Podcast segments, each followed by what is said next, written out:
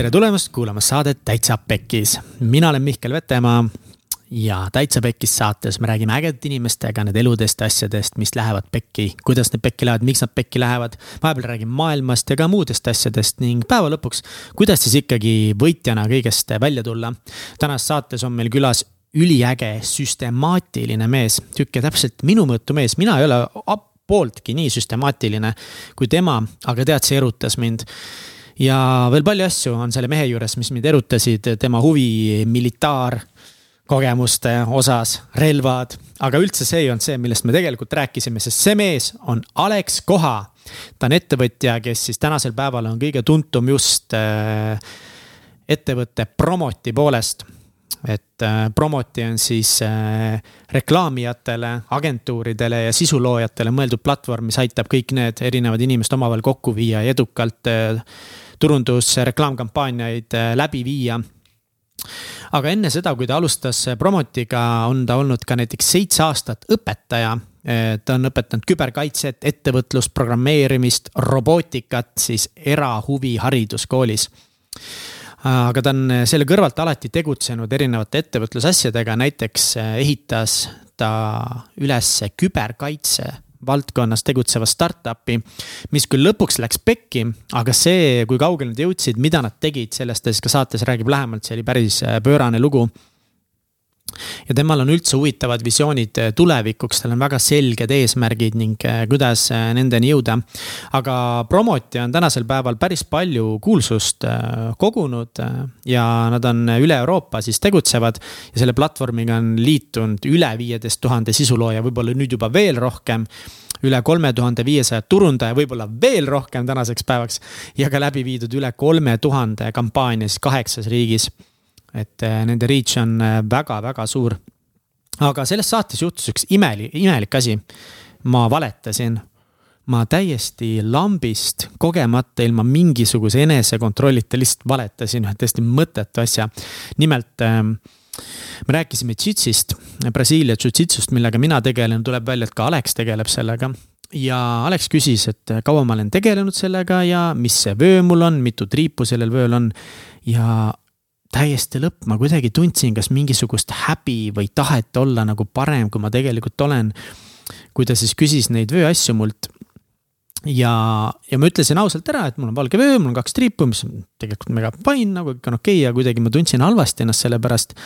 ja ma automaatselt valetasin siin otsa, et, et ah, et ma olen kolm aastat ei ole nagu selles kimonos nii või naa trenni teinud enamasti siis äh, taustaks natukese nii palju, et, et kui sa selle kimonoga üldse kunagi trennis käid, siis ei ole üldse võimalik saada nagu väga neid vöösid juurde ka, et siis nagu kui sul kimono seljas on, et siis saab mõnikord sulle anda aga see ei vasta üldse tõele, ma käin sitaks palju kimo-, palju kimonoga trennis ja ma olen väga palju ainult giga trennis käinudki ja see oli nii veider, mul oli pärast oli nii häbi ja halb olla, sest jah, see oli täielik vale, lambist ütlesin, pole kolm pool aastat käinud kimonoga trennis, kuigi tegelikult olen, jumala palju ühesõnaga, mul on väga kahju ja ma vabandan, et see on küll noh, see ei, ei mõjuta otseselt kedagi, see vale, aga see on lihtsalt, see oli konkreetne laus vale lihtsalt ja.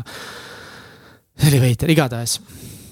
Äh, ma ei oskagi selle kohta rohkem midagi öelda, ma olen siiamaani veits üllatunud. Anyway, enne seda, kui seda ägedat saadet kuulama asud, siis äh, jaga meie saateid, jaga oma kogemusi, jaga oma elamusi, jaga kõrbusi, kurbusi ja rõõme, mida sa oled meie saates saanud, jaga meiega, jaga teistega. aita meil levitada ägedate inimeste ägedaid lugusid, mis võiksid inspireerida paljusid, mis võiksid aidata kellelgi ühe sammu jälle edasi liikuda oma teekonnas.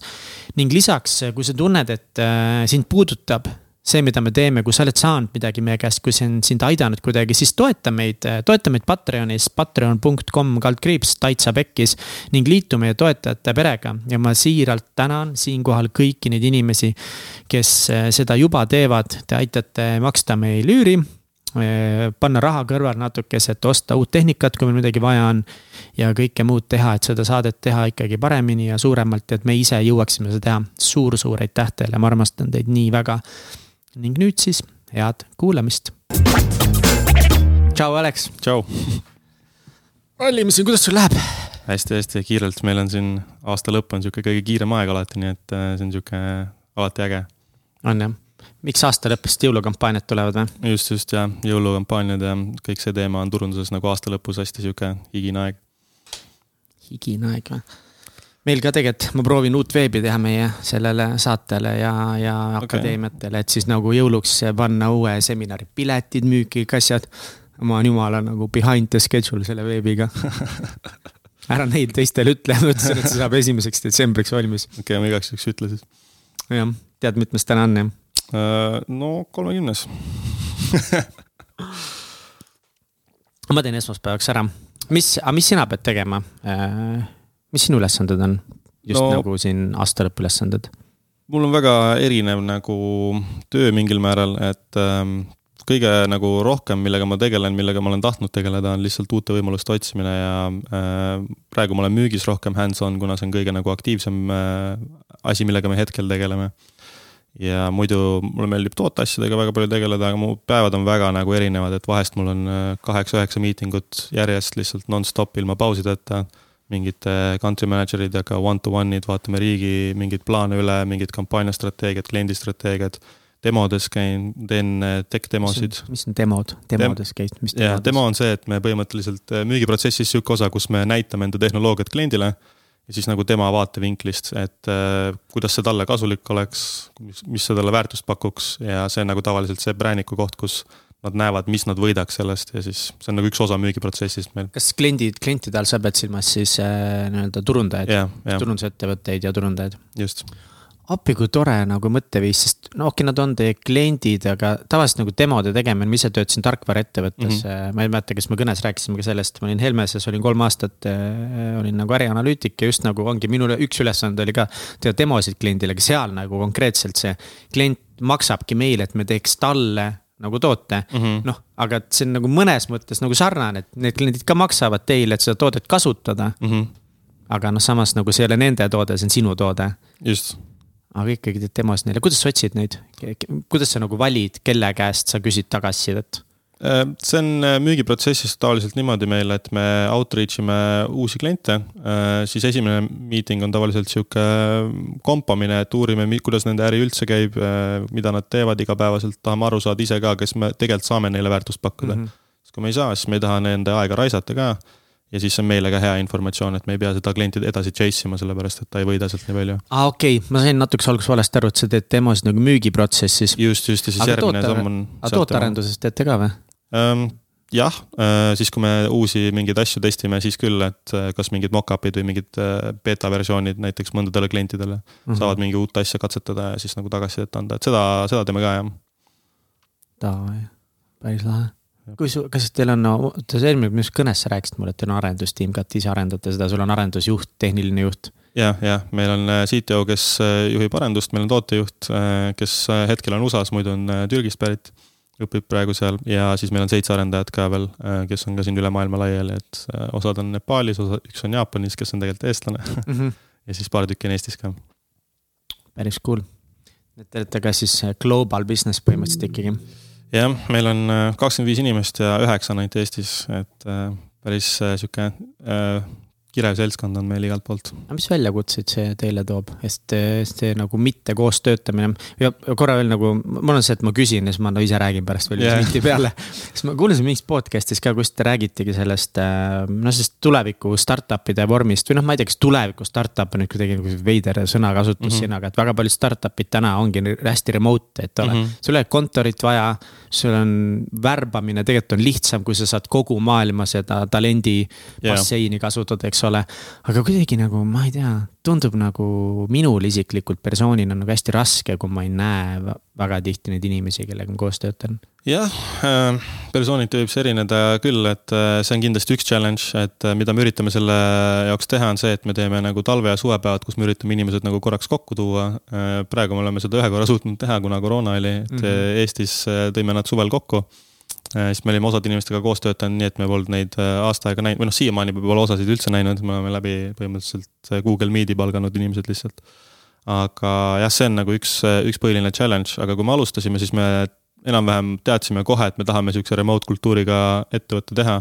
üks ettevõte, kes mulle veits eeskujuks oli selle osas, oli Toggle, nad nagu promosid seda väga palju, siis ma uurisin mm -hmm. ka seda ja siis mulle väga meeldis see kuna meil alguses polnud kontorit, me olime kahekesi Leoga, hiljem tuli Marelle kolmandaks, siis me tegimegi juba alguses remote'ilt ja ehitasime kõik protsessid selle peale üles, et meil ongi nagu remote, et äh, siis nagu see on nagu hästi praegu skaleerinud ja meil ei ole nagu selles osas äh, probleeme tulnud peale selle, et inimesed ei näe üksteist nii palju. Eestis on meil kontor ikka, et seal me käime koos. üldse see sinu taust selles mõttes on huvitav, et äh, räägimegi üldse sellest, kust kohast sa pärit oled? Tallinnalt, Lasnamäest. Lasnamäelt jah kas Lasnamäes üleskasvamine oli?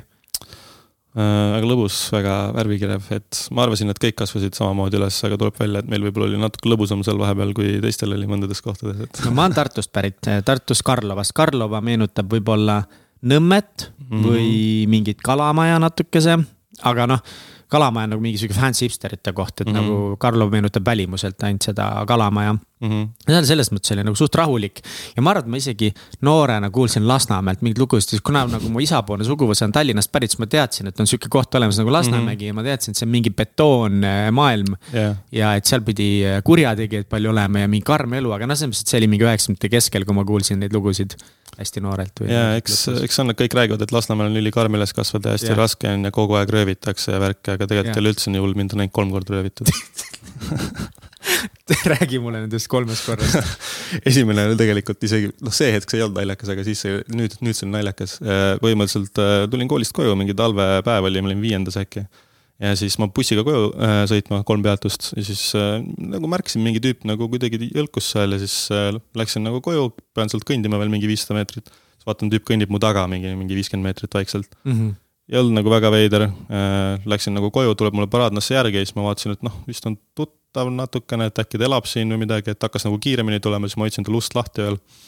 ja siis äh, läksin nagu lifti juurde ja siis lamp võttis õlas kinni, lükkas vastu seina, ütles anna telefon siia.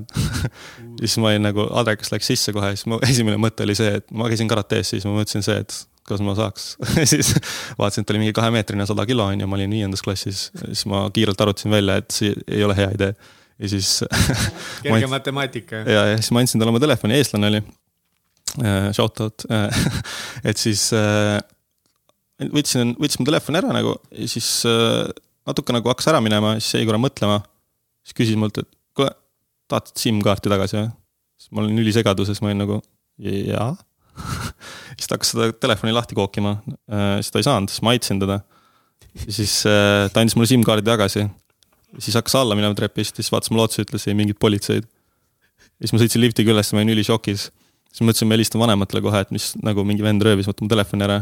siis ma hakkasin mõtlema, ta ütles ei mingit politseid, ta teab, kus ma elan. siis ma panin telefoni ära, lihtsalt ei helistanud. ja ma suutsin nädal aega peita seda, et mu telefoni pole ja siis äh, lõpuks äh, mu vanemad ei uskunud, et mult telefon ära varastati, nad arvasid, et ma gamble isin selle maha või midagi või müüsin maha. siis me käisime politseis, ma andsin üli detailsed description'id, värgid, särgid yeah. ja siis politsei oli ka nagu, et sihukest asja pole küll kunagi olnud, et kellelgi võetakse telefon ära ja SIM-kaart antakse tagasi, et nad ka nagu sada prossa ei uskunud, aga noh, sa ei saa nagu päris öelda, et nagu oled kindel mm. -hmm. ja siis oligi, nad ei uskunud mind, ma arvan, kuni ma olin mingi kakskümmend kakskümmend üks, ma kunagi rääkisin uuesti seda lugu, siis nad olid mingi jaa, jaa, sa valetasid ja siis ma olin nagu ei, see oli päriselt niimoodi. see oli üks kord. teine kord äh, läksin mingeid patareisid ostma, mul oli mingi kümnekrooniline taskus või midagi klassiekskursioonile mingi aasta hiljem. ja siis kõnnin rahulikult, siis mingid vennad kõnnivad must mööda, võtsid mul lihtsalt kaenlasse siis tahtsid mult telefoni, mingeid asju, siis ma ütlesin, mul pole midagi, on ju, siis teine vend kõndis veits eespool, tal nagu tundus veits ebamugav olevat, mis ta sõber teeb. Ja siis küsis talt, et mis sa arvad, kas ta valetab või, siis esimene vend ütles, et ei, ma ei usu, siis ta pani mu mingi autode vahele maha, katsus taskud läbi, polnud midagi, ta ei tundnud seda kümnekroonist ka taskus. siis võttis äh, õlgadest kinni, tuli nagu madalamale, kuna ta oli suht pikk, siis ütles, ma oleks sind varastanud, siis ma ütlesin, ma saan aru jah. Siis oli head päeva, läks ära. Holy shit. Need olid kaks lugu jah. Aga mis kolmas oli? kolmas oli isegi, see ei olnud nagu röövimine, see oli niimoodi, et kunagi oli mingi vend ka, kes nagu ka seal enam-vähem rajoonis jõlkus, temaga oli enne juba mingi teema, et ta tahtis mult jalgpalli või mingi asja ära varastada.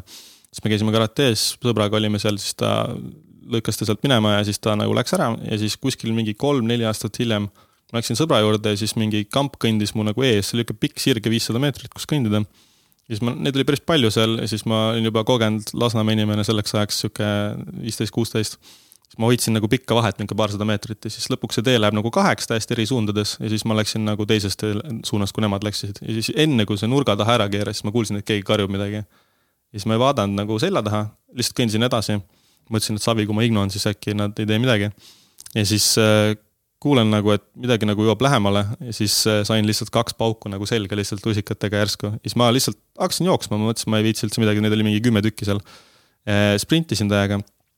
Ja siis järsku vaatan, et nagu sammud kaovad ära, et mis teema on, vaatan selja taha, see vend oli, ta oli minu arust paar aastat vanem, ehk ta oli juba vist äkki kaheksateist täis.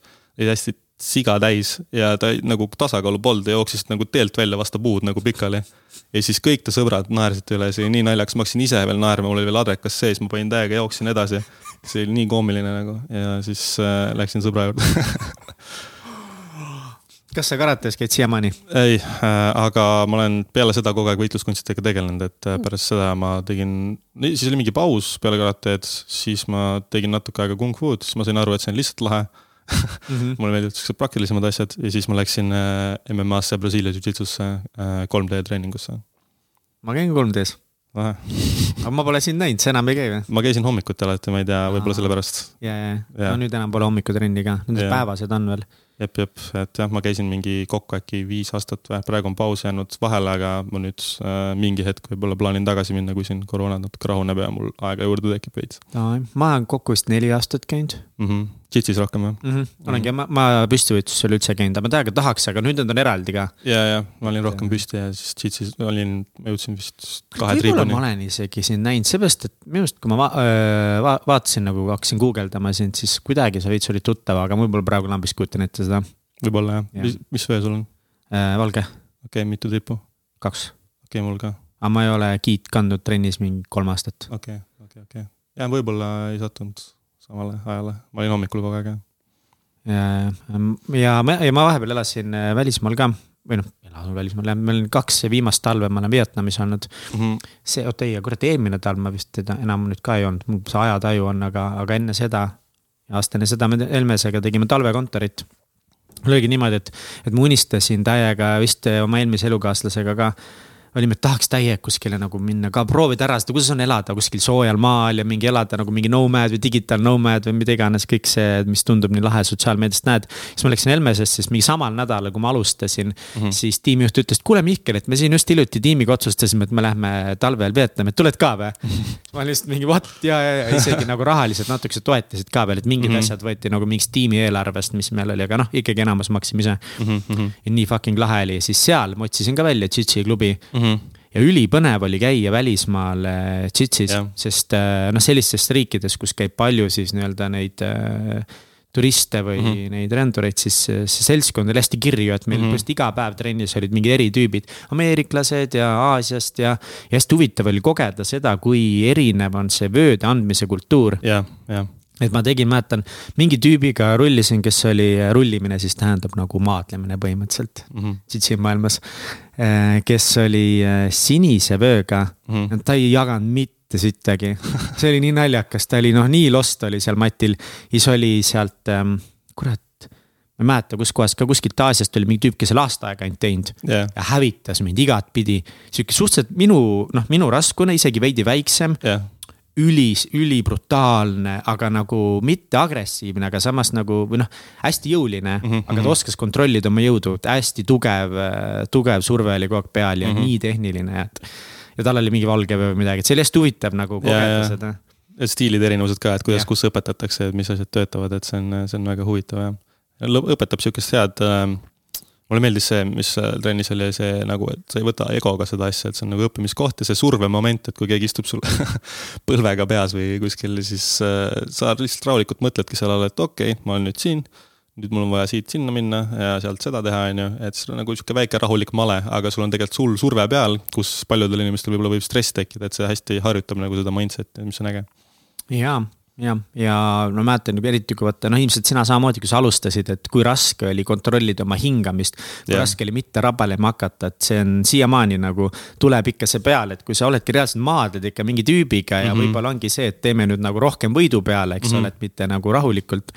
et siis nii raske on hoida ennast tagasi et ja. mitte äh, üle tõmmata. jah, see on äh, jah, ma, ma tegelikult ühe korra võistlesin MM-as ka, siis kui ma võistlesin, ma olin nagu kohe see, et ma tahan hullu panna selle värki, olin aasta aega teinud ja cheats'i tegin ainult algkursuse ära vist, ehk siis ma ei osanud mitte mingit põgenemisi ega midagi mm. -hmm. ja siis ma sattusin äh, võistlusel olukorda, kus ma olin siis, okei okay,, nüüd läheb tehniliseks, aga ma olin nagu close guard'is ehk siis tema oli mul jalge vahel ja ma ei osanud sealt põgeneda, mul ei olnud meeles need asjad algkursuselt ja siis ma täiega käestisin ära niimoodi, et ma noh, rabelisingi sel ajal, üritasin välja saada ja ei suuda nagu kontrollida seda, et jääd rahulikuks, et vaatad, kust nagu saaks, et see hiljem, kui see juurde tuleb, seda, see on nii suur erinevus nagu kui mingi uute, uute tegijatega rullid.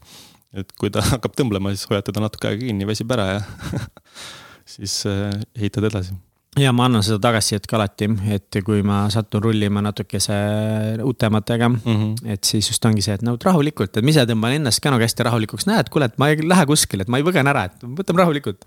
et äh, see oli kuidagi huvitav jah, ja teine hästi suur erinevus oligi, sa vaat ise mainisid ka, see õpetamistehnika yeah.. et kui meil trennis õpetatakse hästi nagu samm, samm, samm, samm mm, -hmm. et äh, väga nagu step by step keskendutakse isegi rohkem sellele nii-öelda sellele setup'ile, et kuidas sa lähed ja mis on need esimesed olulised sammud, et saada kontrolli teise üle, siis näiteks seal. see Ameerikast pärit oli see klubi omanik ja treener tema keskendus hästi lõpetamisele mm. -hmm. ja pigem see, et kuidas sa sinna saad, oli nagu selline, ta näitas korra ette. ja kui minu küsimus see, et okei okay,, et sa nagu noh, ma ei tea, suvaliselt võtsid käe, siis võtsid õla, siis sa võtsid mingi pea ja nüüd sa kägistad, on ju yeah.. siis minu küsimus, et okei okay,, et kuidas sa selle õla seal nagu kätte said yeah., siis tema tegi niimoodi, et näitas kogu asja kiiresti ära uuesti nagu kogu selle eh, sammude jada ja siis nagu keskendus, et näed, lõpus oled niimoodi. ei, aga mu küsimus on, et kuidas seal keskel nagu ma midagi tegema pean, siis jälle näitab kogu asja ette hästi kiiresti mm. -hmm. et ei ole üldse seda, et ta võtab nagu selle keskmise koha, sest ta, ta ise ei oska isegi õpetada niimoodi, ta ei oska nagu seisma jääda. ja samm-sammu haavalt, aga samas ongi, et nende nagu see lõpetus ja kontrollid olid hästi tugevad jällegi. jah. et jah. väga, väga huvitav jah. väga, väga veider. nii et äh, tšitsis näeme siis. jah ülilahe, äh, aga oled sa veel midagi teinud? Äh, spordi osas, no mulle jõusaali meeldib teha, see on mul tegelikult enam-vähem päevarutiinis sees ka äh, tööpäevadel, et ma kasutan seda aega nagu mõtlemiseks. mul tihti on see, et trenni, vahe, hiljuti avastasin natuke jooksmise ka, nüüd läks veits külmaks, ei ole veel proovinud nii miinusega joosta aga mulle meeldib nagu ennast välja lülitada, ma tihti ei mäletagi, mis ma tegin trennis, et ma nagu lähen trenni, siis mul sai trenn läbi, siis ma olin nagu, oot, oot, aga ma ka täi-, täna, täna käisin ka ikka, ei käinud et siis ma mõtlen tavaliselt päeva asju nagu läbi või siis ma panen mingi podcast'i peale, üldiselt, mis on sihuke, mida mulle meeldib kuulata niimoodi, et ma ei jäta ühtegi sekundit vahele, et kui mul korraks midagi ära kaob, ma kerin tagasi ja ma tahan nagu sada protsenti kohal olla, et kõik sisse tõmmata endale. Mm. -hmm et ma kasutan seda nagu kas enesearengu ajaks või siis nagu läbimõtlemiseks hommikuti, et nagu jõuks on nagu see rutiin või asi, mis nagu hoiab äh, värskena praegu, et see on sihuke hea ka, et ta nagu mingil määral ei aegu ära. Ähm,. jah, ma arvan, see on nagu üks põhiline, muude sportide osas väiksena ma tegin kossu äh, enne karateed, siis mingi esimene kuni neljas klass, sellest ei mäleta väga midagi kelleks sa tahtsid väiksena saada, kui sa seal Lasna tänaval põgenesid äh, kampade eest? kõige esimene asi, mis ma mäletan, et ma tahtsin rokkstaariks saada siis ma läksin kitarritundi, see ei õnnestunud või noh, mul ei hakanud see kuidagi külge, siis ma tahtsin skeiteriks saada ja kõik värgid on ju see aeg et äh, kõik rulad ja värgid. Tony Hawk on, Pro Skater, kõik mängisid. just, just, just paar korda on rämbis käna pandud ja ühe korra rattaga murdsin käe ära isegi. Et äh, kõik see teema oli nagu ja siis äh, mingi aeg peale seda mul nagu väga ei olnud enam mingit uut nagu ideed. kuskil, noh, see oli äkki mingi viies-kuues klass ja siis oli nagu sihuke suht hägune, ma väga ei mõelnud selle peale veel aga kuskil seitsmendas või midagi, no ma üldiselt koolis ma ei mul ei olnud väga head hinded nagu, või no okeid, nagu ma olin sihuke kolmekas, tavaline. Ja ma väga õppida ei viitsinud, kodutöid teha ei viitsinud. meid kutsuti koolis äh, loogikavendadeks, et need vennad, kes enne vahetundi korra loevad läbi ja siis üritavad loogikaga vastuseid tuletada ja siis saavad oma kolme kätte et äh, tegime seda ja siis äh, ma arvasingi, et ma olen suht loll, et ma tegelikult nagu. loogilised poisid või? jah, just, et, et. Teie olitegi need või? et, et, et ja, et siis äh, arvasin, et nagu väga välja ei tule see õppimine ja et nagu ma ei ole üldiselt tark, et äh, ei teagi, et siin kool hakkab vaikselt läbi saama või noh, põhikool, et midagi peaks nagu tegema. mulle meeldis game ida väga palju äh,. ja siis äh, mingi hetk juhtus sihuke asi, et mul läks arvuti katki nagu, siis ma polnud game ida midagi enam, siis mis ma teen peale kooli, see oli mu tavaline nagu tegevus kui trenni ei läinud just et siis äh, vaatasin mingi vanemate vana läppar oli, mis sellega teha, midagi mängida ei saa, on ju, leidsin Youtube'i, hakkasin sealt mingeid dokumentaale vaatama. Ja siis ma avastasin mingi kanali, kus oli mingid populaarteaduslikud dokumentaalid, mingid BBC-d, siuksed värgid, särgid, mingid lühiklipid olid ka, kus mingi räägiti pingviinidest ja Michio Kaku rääkis mingi tulevikust ja siis tundus suht, suht lahe. ja siis, kui ma need dokumentaalid avastasin, neid oli mingi kakssada tükki vist seal, viieks osaks jaotatud alati, siis ma lihtsalt nonstop grind isin neid mingi poolteist kuud, kuni ma vaatasin need kõik ära, enne kui see konto bänni sai et äh, see oli nagu ülipõnev minu jaoks, siis mul hakkas räigelt kosmose teema ja kõik see meeldima. aga siis koolist tuli füüsika alles järgmine aasta. Äh, nii et ma veel nagu seda seost seal ei leidnud enda jaoks, aga siis mul nagu üks mingi eesti keele tund või midagi juhtus selline veider asi, et ma nagu kogemata vist kuulasin tunnis või midagi. ja siis ma nagu vaatasin, et aa, ma sain aru praegu, et mul jäi meelde nagu, mis ta rääkis, et nüüd oli nagu kontrolltöö järsku lihtne, et miks keegi varem ei öelnud, et ma pean kuulama lihtsalt. põhimõtteliselt sinu nagu enne seda siis elu oligi selline, et sa oma peas sa kogu aeg ütlesid endale seda lugu, et, et sa ei, et sa siis, et sa ei saa koolis hakkama või et see ei ole sulle, et sina ei oska, et. et lihtsalt nagu need, kes õpivad viitele, nemad lihtsalt kuidagi oskavad. no põhimõtteliselt jah, et nagu minu jaoks mingid teadlased olid üldse imeinimesed, kes on mingi sündinud geeniused ja nii edasi, et sa ei saa lihtsalt hakata teadlaseks. nagu siis ma hakkasin no, veits aru saama, et okei okay,, võib-olla see ei ole päris nii. et äh, tekkis nagu sihuke huvi või noh, sihuke mõte, sihuke veider mõte, et mis siis juhtub, kui ma teistes tundides ka kuulan ja siis mul hakkasid järsku nagu hinded paremaks minema, kodutöid ma ikka teha ei viitsinud, nii et väga heaks nad nagu ei läinud, kuldmedalit ei saanud. aga, aga suht okei okay oli ja siis mul hakkas, tuli füüsika ja see oli nagu minu jaoks see, et okei okay,, see mulle meeldib väga, sellepärast et kõik need dokumentaalid, mis ma vaadanud olin, kõik teemad olid enam-vähem läbi käidud juba ja nüüd on nagu need seletused, et kuidas see tegelikult toimib ja see seletas nagu kõike, mis ümber on. siis ma sain aru, et füüsika nagu reaalselt seletabki kõike, nagu kõik saab ära seletada sellega siis mul hakkas sihuke hasart tekkima, et ma tahan nagu asju teada, kuidas need töötavad, et kui mingi välku lööb, et siis miks. ja siis ma hakkasin väga palju seda nagu küsima. see oli väga huvitav, ma tahtsin, mul oli nagu sihuke asi, et ma tahan teada kõike niimoodi, et ei ole midagi maailmas, mis ma ei tea, kuidas see töötab nagu, siis ma läksin hullult hasarti sellega. lõpuks saad aru, et okei okay, päris palju asju on, et ikka ei saa niimoodi, et sa tead kõike aga ikkagi see tekitas nagu sihukese hea huvi selle osas, et äh, kui sa piisavalt palju nagu miks küsid, siis sa jõuad lõpuks täitsa kosmosesse välja ja mis enne suurt pauku oli ja kõik see teema.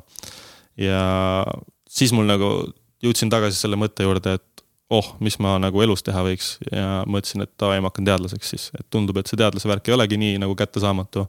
ma hakkan väga heaks teadlaseks ja mulle ei meeldi, et need küsimused lahendamata on, nii et ma lähen siis lahendan ära need.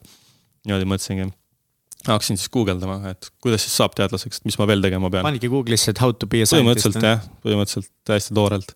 ja siis lõpuks tuli sealt kuskilt välja, et aa, mingi rahastatakse ja siis uurid neid asju ja siis see protsess töötab niimoodi ja siis mul hakkas juba nagu veits noh, hakkas errorisse jooksma, et noh, see mulle ka väga ei meeldi, et ma ei taha mingi kuskil laboris istuda ja uurida mingit asja, mida keegi kuskil rahastab, mingit, kes teab, mis põhjustel. et ma tahan uurida seda, mis lahe nagu. mis sind huvitab. jah, just, on ju, aga noh tuleb välja, et teleskoobid maksavad jube palju ja kosmoseasjad on ka väga kallid. aga kui vana sa olid üldse sellel ajal, kui sa mõtlesid niimoodi ja mõtlesid, no ma tahan teadlaseks saada, ma tahan lahendada kõik vastamata küsimused? see oli kaheksas klass, mis see teeb siis, neliteist või? aa, kaheksandas klassis jah mm? -hmm, mm -hmm. jah äh,, jah, siis ma tegin seda plaani. olgu, aga mis siis sai, kui sa said teada, et kõige taga on raha mm.? järgmine Google oli siis how to make money ja siis tuli. ongi mingi, loogiline poiss, noh. tuli, tuli Steve Jobs on ju ja kõik need vennad sinna ja siis ma mõtlesin, et okei okay,, lahe mingi ettevõtlus, värgid, särgid, uurime seda. tulid startup'id, mingid põnevad lood, kus on ehitatud mingeid ägedaid suuri ettevõtteid ja siis ma mõtlesingi, et okei okay,, okei okay,, okei okay,, et ma saan nagu ühes asjas hea olla, siis kui ma saan lihtsalt väga heaks teadlaseks, siis ma uurin midagi, mis keegi rahastab ja nagu ma olen üks väga hea teadlane lihtsalt. nagu ma saan väga heaks ettevõtjaks ja panustan sellesse, siis kunagi tulevikus, kui mul on väga palju raha üle siis ma võin palgata tuhat väga head teadlast ja siis nad uurivad seda, mida mina tahan. saan äh, full Elon Musk'i panna ja ehitada rakette ja äh, Marsi baase ehitada, et mm -hmm.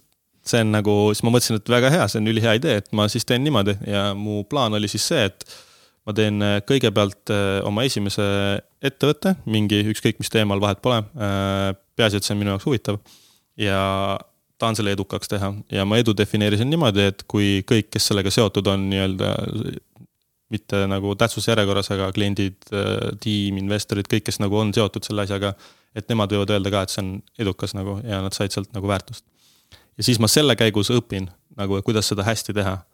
ja see on minu jaoks nagu tutorial, kus võib-olla teiste jaoks on see juba retirement, siis minu jaoks alles seal kõik hakkab peale seda siis mul oli plaan, et ma teen oma elutööettevõtte ja siis võib-olla mingeid meelelahutusettevõtteid, mitte nagu otseselt, no tegelikult otseselt. elutööettevõte, mis see tähendab? minu jaoks on see see, et kui ma teen äh, ettevõtte, mida ma ei plaani exit ida, ehk siis ma ei taha seda müüa äh, kunagi tulevikus või ma ei taha sealt väljuda.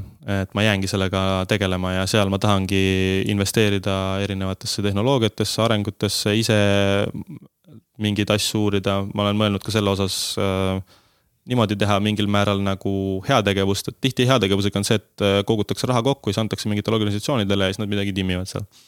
et ma tahaks nii teha, et äh, see heategevusprojekt on, seesama organisatsioon ise execute ib ka selle plaani, et see oleks nagu eriti nagu kontrollitud, mis toimub, kus ja kuhu see mõju nagu läheb ja seal ma tahangi nagu investeerida erinevatesse asjadesse nagu äh, meditsiin, teaduse areng, äh, kosmoseteemad äh,, erinevad security asjad, mis mulle lihtsalt on kuidagi meeldinud. ja sa mõtlesid juba niimoodi põhikooli lõpus ja,? jah, jah, ma mõtlesin välja, mis mul need põhivaldkonnad on, mis mind kõige rohkem huvitavad ja noh, see on üks variant ja siis teine, mul, mulle, mulle meeldib see, et äh, mul on nagu sihuke mõtteviis, et kui sa nagu ei planeeri, siis sa planeerid fail ida.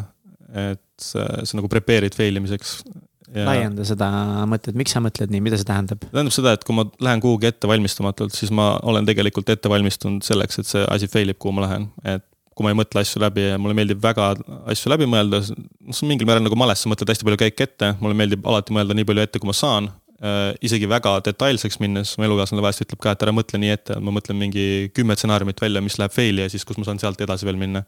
ja ära lahendada, et midagi ei üllataks mind nii-öelda ja siis tegelikult on see, et mind, ma ei jää nendesse asjadesse kinni, et need nii lähebki, vaid ma lihtsalt teen need plaanid valmis, et siis mul on need head tagataskust võtta. Ja, ja siis äh, ma mõtlesingi seda ka, et noh, see elutööplaan, mis mul on, on ju, see on hästi keeruline, suur, raske asi, et juhul, kui midagi juhtub ja ma ei suuda seda elutööettevõtet nagu edukalt vedada ja see idee ei tööta nii, nagu ma tahan, siis mu nagu plaan on äh, see ka, et ma teen kõrvale teisi asju ka, mis on lahedad. et näiteks ma tahan kunagi teha äh, arvutimängude arendusstuudio ja ma tahan dokumentaale teha. see on väga pikalt. jah, et see on nagu äge asi, millega lihtsalt tegeleda, see on ka nagu sihuke asi, mida ma nagu ei müüks, vaid ma lihtsalt nagu tahan mingeid cool'i asju luua, dokumentaale, filme samamoodi, et. kas sa olid ka CyberPunkis pettunud? Äh, kusjuures ma nägin neid meeme ja siis ma ei mänginudki seda ma ei olegi siiamaani ka mänginud, ma olin lihtsalt nii pettunud, ma ootasin seda mängu mingi kaheksa aastat no.. ja siis lõpuks, kui see kõik see fiasko tuli, siis ma olin vist nii kurb mm. -hmm. ma kuidagi sellest läksin mööda, et ma olen äh, Elder Scrollsi nerd selle osas, et ma, see oli mu esimene täisversioon mäng, mis ma sain, oli Morrowind. et mm -hmm. kunagi olid vaata need demoplaadid, kus on mingi üks level ja siis sa mängid mm -hmm. seda kogu aeg ja meil olid mhm. kõigil need demoplaadid kogu aeg igal pool. siis mingi mäng, keegi kuskilt sai mingi piraaditud plaadi, kus oli nagu Morrowind ja siis me arvasime, et see on samamoodi ja siis me mängisime seda esimest missiooni seal, üritasime koos nuputada, mingi kaks aastat nuputasime vist, kuidas seda teha, sest meil ei olnud, ei osanud inglise keelt ja nii edasi. Ja see on nagu vanas stiilis mängud, mis mulle meeldivad, kus ei ole see, et nool näitab, et mine sinna ja sealt saad, et seal oli reaalselt nuputa välja, vaata, siin on öeldud, et mine sinna ja sealt põhja. ja siis äh, tegime selle missiooni ära, siis tuli teine missioon, siis me olime, see demo on katki, et siin on mingi teine veel või tegime teise ka ära siis tuli kolmas veel, siis me saime aru, et meil on täisversioon ja see oli sihuke golden uh. loot nagu see oli nii rets ja siis äh, sealt mul tuli nagu see, see huvi, siis mängisime seda. aga jah, põhimõtteliselt sealt nagu kogu sellest asjast on mul tekkinud ka see huvi, et ma tahan ise nagu enda äh, mängude ettevõtte kunagi teha. Grind isin Diablo kahte kunagi sõbraga räigelt. hullult, see oli mu üks mu lemmikuid mänge mingi aeg. jah, see on äh, väga levinud klassika. ja see oli klassika ja ikka mäletan, mu sõber oli selles Eesti nagu läderis oli vahepeal mingi esimene seal mingis mm -hmm. ranking us ja see oli uh. ja see naljakas, sest no tal oli niimoodi, et tal ema nagu tihti keelas tal arvuti ära, sest ta oli sihuke ka noh.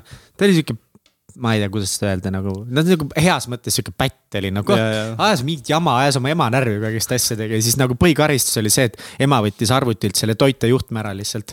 ja kuna minul, äh, minu äh, vanemad nagu andsid mulle raha, et ma, et kui ma arvutit tahan, siis ma pidin ise kokku panema, sest ma ka koolis väga ei viitsinud õppida, siis nendel oli mm -hmm. see, et et davai, et nagu see arvutimängud väga meeldivad, siis no midagi head peab siit tulema, et sa pead siis ise arvuti kokku panema mm. -hmm. et mhm. nagu me sulle kasti ei osta. ja siis mul oli ka need toitejuhtmed asju aeg üles, ma andsin talle need alati. ja siis tal oli mingi, tal oli kuskil diivan alla peidetud neid, kui ema ära võttis, ta võttis diivani alt uue. aga siis ükskord ta nagu ema võttis terve kasti ära ja siis ta saatis, siis ta kirjutas mulle nagu juhendi mm, -hmm. mis ma pean tegema, et ta seal nagu läderis püsiks ja ma pidin mingeid ruune vahetama, mul oli nagu full. ütles, davai Mihkel, terve nädalavahetuse sa pead mängima, sa pead kõik asjad mul ära tegema, sa pead vaatama, et midagi perse ei lähe. siis ma vahetasin mingi tema ülikalli ruuni mingi üliodava ruuni vastu, mul läks sassi nagu. ta oli nii pahane mu peale, olin ise endas väga pettunud. see tuletab meelde, kuidas kunagi oli RuneScape'is oli ka quest idemine oli ja siis ma mingi tegin endal seal kõik läbi need ja siis ma nagu teadsin veits ja siis mingi vend hellas mulle alt Lasnas siis veel äh, Fono Lukust andis oma parooli lihtsalt, ütles, et tee quest'e või saad lõuga päriselt? jah. tegid siis või? ei ei kartnud lõuga saada tema käest? no veits, aga me kolisime õnneks ära kohe peale seda, nii et ma, ma teadsin, et mul on nagu see limited time, kus ma pean teda avoid ima uh, see kohe toob mind korra nagu praegu hüppama teemadesse, see on mm -hmm. väga fine, see on klassikaline mina äh, ongi Lasnas, äh, kui seal oligi vahepeal nagu mingeid äh, vägivaldsemaid inimesi. kas sa kunagi kartsid ka, kas sa kartsid nagu näiteks, et keegi noh, annab peksa sulle või et kas see tekitas sinus mingit hirmu? ei, see oli osa lihtsalt äh, sellest, et kui sa lähed mänguväljakule, siis seal võib lõuga saada, nagu see Aha. oli tavaline, et lihtsalt vahest juhtus nii, meil oligi mingeid olukordi ka, kus olid nagu mingid suuremad nagu grupikaklused nii-öelda, mis noh, kunagi ei läinud käest ära, aga aga seal oligi enam-vähem, tuleb mingi trennist koju, vaatad, et mingi kamp, mingi lohmib seal su sõpru ja siis sa lased kõigil fono lukku, tuleb teine kamp alla ja siis olid seal mingid ära peidetud igast kaikaid ja asju ja siis aeti seal üksteist taga, aga noh, keegi kunagi reaalselt mingi kaikaga otse ette ei saanud. et oli sihuke nagu mänglev nii-öelda noorte seas, aga eks ikka nagu mingil määral vägivaldne ja seal eks peksa saadi ikka ja mingi hetk oli ka, ma mäletan, mingi teema oli äh,, äkki kuskil on isegi mingid uudised üleval sellest, oli mingi massikaklus, kus isegi politsei oli kohal, kus olid mingi hull mingi Eesti versus Vene teema oli, mis oli nagu naljakas. kuigi meil nooremate seas nagu üldse ei olnud sihuke, nagu nii palju seda aga seal oli mingi teema ja siis me olime ka, mõtlesime, et oh, hull mingi nagu filmides näed, vaata mingi aah, jooksevad üle välja ja siis on mingi vaar on ju. siis nad olid seal staadionil nagu oligi noh, nagu filmis lihtsalt kari nagu Viking Gate seisis seal ja hakkas kohe charge ima ja siis teisel pool oli teine kari ja siis me olime seal ka nagu alajaama tagant piilusime oma väikse kollase kuulipüstoli ja ühe kaikaga. olime seal üksteist, need olid kõik mingi enam-vähem täiskasvanud mehed või noh, siis tundusid võib-olla nad olid kuusteist, seitseteist tegelikult.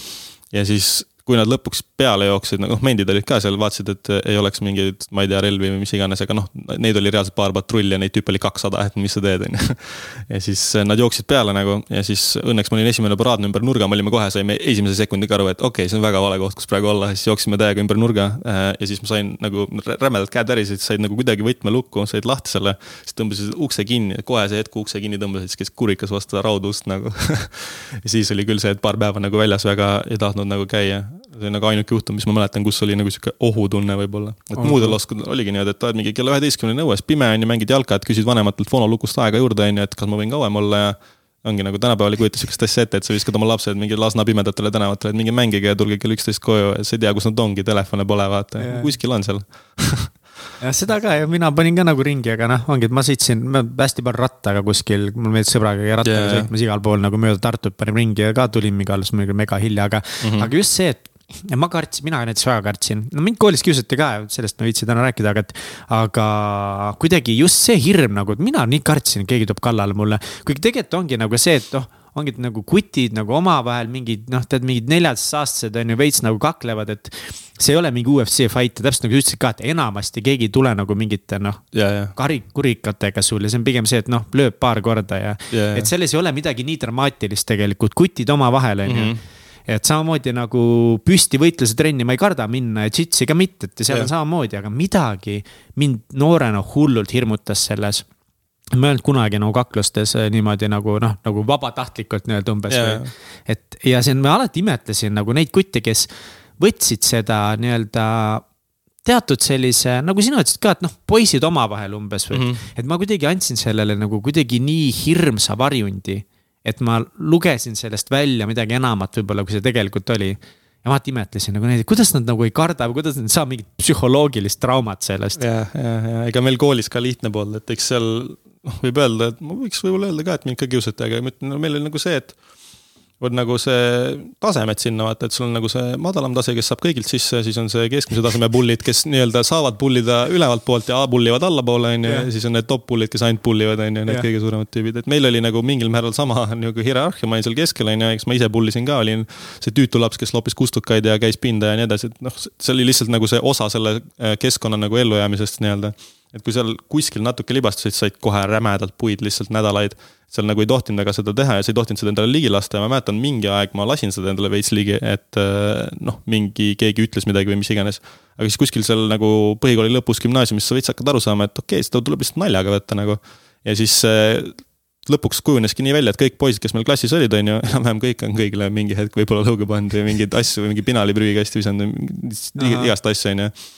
Et ja nüüd meil on niimoodi, et suur osa nendest on ka äh, lasteaiast saati nagu me teame üksteist. Ja meil praegu ongi siiamaani mingi kümme aastat peale kooli nagu mingi üle kümnene punt poisse, kes siiamaani suhtlevad igapäevaselt nagu. Äh,. see nagu kuidagi kasvatas nagu kokku. mingil määral selle, kui tagasi mõelda, see oli väga tough nagu, kui sa selles keskkonnas hakkama ei saanud äh,, siis ilmselt see ei olnud väga lõbus aeg või noh, see see, et kui ei olnudki nagu mingitel päevadel väga lõbus aeg, et see ei ole nagu hea keskkond, kus olla mingil määral. aga mingil määral see kasvatab ka iseloomu, ma arvan. jah ma ei suhtle kellegagi oma koolist. et kümme aastat hiljem põhimõtteliselt ma ei ole mitte kellegagi kokku saanud. ega meil pole ühtegi mingit kokkutulekut. see on suht haruldane. ja, et nagu mitte, mitte kellegagi väga ei taha nagu suhelda ka. see on huvitav jah, aga mis pani sind nagu teistmoodi mõtlema, et, et, et, et kui sa nagu elasid siit suhteliselt nagu keskmise poisi elu ikkagi, et mm -hmm. käisid õues jalkat mängimas, ajasid üksteist taga, arvutimängud kuskohast tuli nagu selline nii struktureeritud ja planeeritud mõtlemine? Mulle alati loogika meeldinud, võib-olla see nagu suurenes see hetk, kui ma neid dokumentaale vaatasin, et ma sain aru, et kõik on tegelikult seletatav ja siis äh, mul oli üks sõber ka, kes äh, pani veits fooliumi vahepeal ja rääkis seal mingitest chemtrailidest ja asjadest ja siis mul oli alati hasart, et ma pean talle ära tõestama, et see ei ole nii, vaata siis otsid nagu vastuargumente ja siis mulle nagu hakkas see loogika sealt väga meeldima, et noh, tegelikult kõik ongi loogiline lõppkokkuvõttes. Äh, aga enne seda, kus, kus ma üldse nagu sinna suunas mõtlema hakkasin, oli võib-olla see, et mul üks sõber kunagi midagi rääkis, et päike võib plahvatada või midagi siis ma olin nagu mingi what et nagu ma pean nüüd õue minema, iga kord vaatan üles ja mõtlen, et täna või siis tekkis sihuke hirm ja siis ma hakkasin mõtlema nagu, et noh, see on surm ju, aga mis see surm on, on ju. ja kõik see, et kas pärast on midagi veel, siis ma nagu enam-vähem, kui piisavalt palju füüsikat õppida sa saad aru, et ei ole mitte midagi nagu sa saad aru, et see ei ole loogiline, kõik igast lahedad teooriad, värgid-särgid. Äh, seal ei ole tegelikult midagi, kui sul, see on, mul on hea näide selle kohta. Kas sa mäletad, mis tunne oli, kui sa ei olnud sündinud veel? no vot, see, see ei ole mingi tunne isegi, sest sind ei eksisteeri. ja kui sa sured. ma ei täpselt... mäleta mõnikord, mis mõnel peol ka oli see on umbes sama kas mind ei, nojah, põhimõtteliselt ma ei eksisteerinud seal peol, sest ma olin pikali diivanil et siis, siis ongi see, et äh, Äh, kui sa nagu ära sured, siis ei olegi midagi, ainuke vahe on see, et kui sa sündisid, siis mingi hetk sa sündisid, aga nüüd kuni lõpmatuseni ei ole sind enam. Ja ei tule kunagi enam uuesti see mõte nagu mingil määral hirmutas mind, mulle ei meeldinud see. ja siis ma mõtlesin, et väga äge oleks, kui me saaks nagu tehnolo-, no miks see tegelikult üldse nagu mind kottis, on see, et kosmos ja kõik asjad on nagu ülikaugel. ma tahaks minna sinna ja vaadata, mis teema on, vaata, mis planeedil toimub, nagu reaalselt lendan kohale ja vaatan üle et äh, see võtab väga palju aega ja noh, inimelu on liiga lühike selle jaoks mm -hmm. ja üldse võib-olla, kui kosmosesse minna nagu inimkonnana, siis inim-, üks inimelu on võib-olla liiga lühike, et väga palju nagu seal ringi timmida, et see on sihuke personaalne huvi rohkem näha, see FOMO, Vsauce'il oli hea video selle kohta vist ka, et sa Millel? nagu, Vsauce, üks Youtube'i kanal, jah, väga hea, kui pole näinud, siis äh, soovitan ja. väga, see on mega kõva kanal. igastahes tema tekitas mul ka väga palju huvi asjadest, ta seletab nii huvitavalt igastahes point oli selles, et mul on see tugev FOMO, et ma tahan näha, mis tulevikus ka on, on ju. ma tahaks näha, milline maailm on kümme tuhat aastat hiljem. Siis mul mõtlesingi, et äge oleks, kui mu kogu selle elutöö ettevõtte üks väljundeid oleks ka inimelu pikendamine, et ma olen see, äh, selle koolkonna esindaja nii-öelda, kes äh, arvab, et see on hea idee. Ja no, siis sealt mul tuligi see Vanadus nagu, just täpselt. Ja sealt mul tuligi see nagu tuummotivatsioon, miks nagu neid asju üldse teha. Siis ma mõtlesin mingil määral selle osas ka, et noh, ma olen selle oma elu eesmärgiks võtnud. kui mul ei oleks seda, mis siis point oleks? Et paljudel inimestel ei ole võib-olla suurt eesmärki, mille nimel elada või mida nad tahavad saavutada või mis nad tahavad kätte saada, siis ma mõtlesin selle peale. mõtlesin, et ainukene loogiline jälle loogikasse tagasi minnes, teine variant on see, et kui sind ei koti ja sul ei peagi tegelikult olema midagi. siis mingil määral see, et sul ei ole mitte mingit eesmärki ja sa ei tea, kes sa oled ja mida sa tahad. see ei ole halb asi, vaid see on tegelikult vabadus kui sa saad aru, et mitte midagi tegelikult ei loe mitte midagi siis sa saad aru tegelikult, et sul on sajaprotsendiline täielik vabadus ise otsustada, mis see nagu eesmärk või asi on. ehk siis võib täiesti vabalt see olla, et sa tahadki lihtsalt elu nautida. hedonism, sa lihtsalt mm. naudidki kõiki elu nagu mõnusid mm. -hmm. ja ongi, sul on väga hea elu, sul ei ole üldse oluline, et sa pead mingi hullu asja saavutama nii et äh, ma nagu nende vahel seal mõtlesin ja siis äh, vaatasingi, et mul on see lahe eesmärk olemas, väga hea, ma saan sellega tegeleda ja kui mu peaks juhtuma, et nagu enam ei koti ja enam ei ole seda FOMO ja nii edasi, siis mul ei ole, mul ei tekigi masendust sellest, vaid ma lihtsalt mõtlengi siis nii, et väga äge, nüüd ma naudin lihtsalt elu. et äh, niimoodi nagu see tuli, hästi loogikakeskne vahepeal mõtlen ise ka selle peale, et nagu mis selle kõigil point on, sest no ongi nii-öelda universumi skaalal mm. -hmm. meie elu on nii lühike, meie mõju on nii olematu. et noh, mida ma üldse rabelen siin, aga see on nagu ongi, et see, see võib seda võib nagu negatiivse nurga alt vaadata et see võib iseendale tekitada sihukest nagu teatud mingit rahulolematust, et mm -hmm. ah, mhm. mis minu point siis üldse on ja teistpidi seda saab kasutada väga hea tööriistana, et mm. -hmm. et kui sa muretsedki mingit mõttetut asjade pärast üle, siis nagu mõtle selle peale, et nagu universumi mastaabis planeet Maa on täiesti mõttetu yeah elu on mõttetu, sina oled mõttetu, mina olen mõttetu, kõik see on nii mõttetu, on ju. et noh, siis nagu ja ongi, aga teistpidi, et, et kui sa nagu tunned ennast väga halvasti, siis jällegi võid mõelda, et aga samas. kui sa ka kunagi kellegi ühe inimese elu mõjutad positiivselt, siis see kõik on väga mõttekas. et põhimõtteliselt ongi nagu päeva lõpus on see, et mida sa ise teed selle teadmisega, kuidas Just. sa väänad seda enda jaoks. see ülim mõttetus on tegelikult ülim vabadus, sest ja. kui mitte millelgi pole mõtet, siis sina oled ainukene, kes kontrollib kogu mõtet nagu ja see annab sulle vabaduse teha kõike, mis sa tahad. ülesse quote. et äh, see on jah, minu arust sihuke hea viis, kuidas seda vaadata, et eriti kui võib-olla kellelgi on raske, siis ma alati soovitanud nagu seda mõtteviisi nagu proovida, kuidas see nagu tundub. ülim mõttetus on ülim vabadus. jah yeah.. Nice, äh, mis sinust äh, pärast põhikooli sai? Siis ma läksin gümnaasiumisse, samasse kooli. Äh, mõtlesin, et võiks võib-olla minna mingisse eliitkooli, aga siis ma kuulsin, et seal peab õppima, nii et seda ma ei viitsinud teha, nii et ma jäin samasse kooli, kus oli lihtsam tegelikult sulle õppida meeldib, aga sulle vist meeldib õppida asju, mida ise tahad õppida. täpselt, jah. Äh, nende asjade osas, mis mind huvitab, ma olen see rets guugeldaja, kellel on kümme Vikipeedia täbi lahti ja loeb neid läbi lihtsalt pulli pärast, avastad mingi lambi asja et äh, siis ma seal sain ka seda teha nagu äh, gümnaasiumis õppisin, ma väga aktiivne ei olnud, ma ei olnud mingites noortekogudes ega mitte kuskil, ma ei teinud mitte midagi nagu peale selle, et ma käisin koolis ära ja chill isin sõpradega ja tegin trenni ja gümnaasium nagu möödus vaikselt ära. Äh, tegin füüsikas vist kogu kooli mingi kümne aasta rekordi, mida ei tehtudki, ülejäänud nagu kool kinni pandi. mis see tähendab rekord? kaheksakümmend kuus punkti riigieksamil, mis Aa. on tegelikult, kui nüüd eliitkooli inimesed kuulavad, siis nad on nagu pff, nagu alla soti on nagu lamp aga nagu seal oli see, et järgmine kõige parem tulemus, mis kümne aasta jooksul oli tehtud, oli kuuskümmend võib-olla, et siis see oli nagu kõva sõna wow,. Nice et, et siis sealt jah, ja siis ma tegelikult tahtsin minna Šotimaale õppima korraga kahte bakat, teha tehisintellekti baka ja siis äh, füüsika baka korraga, siis ma kandideerisin seal, tegin igast asju, aga siis elu tuli vahele keegi tuli mu ellu ja siis ma otsustasin, et ma ei äh, lähe ja siis see käis niimoodi, et. tuli ellu. just ja siis äh, mul tegelikult suht pikalt olin veendunud ka, et ma lähen ikka, aga siis äh, lõpuks ma ikka äh, mõtlesin, et ma ei taha enam minna. kahetsesid ka seda otsust või? Ei äh,, sellepärast et kui ma, kui ma, kui ma oleks läinud sinna, siis võib-olla praegu ei oleks ma siin, kus ma olen, ma olen tegelikult väga rahul sellega, kus ma olen, et ma otseselt ei kahetse üldse seda äh,. muidugi see oleks ilmselt täiesti midagi muud olnud ja see oleks ka väga huvitav olnud ja sealt oleks ka midagi ägedat kindlasti tulnud, aga nagu ma ei põe selle pärast ähm,. aga, ja, ja siis see käis niimoodi, et okei okay,, ma otsustasin nüüd, et ma ei lähe Šotimaale, väga lahe, mis ma nüüd teen nojah, ma lähen TTÜ-sse, siis tegin TTÜ-le lahti IT-teaduskonnas, esimene asi, mis tuli lahti, oli elektroonika ja bioonika oh, lahe, apply. ei lugenud ühtegi teist eriala, läksin sinna, tuli välja, et meid oli, see on kõige harul-, nagu haruldasem eriala, mida õpitakse. elektroonika ja bioonika. just, bionika oli see, mis mind seal köitis.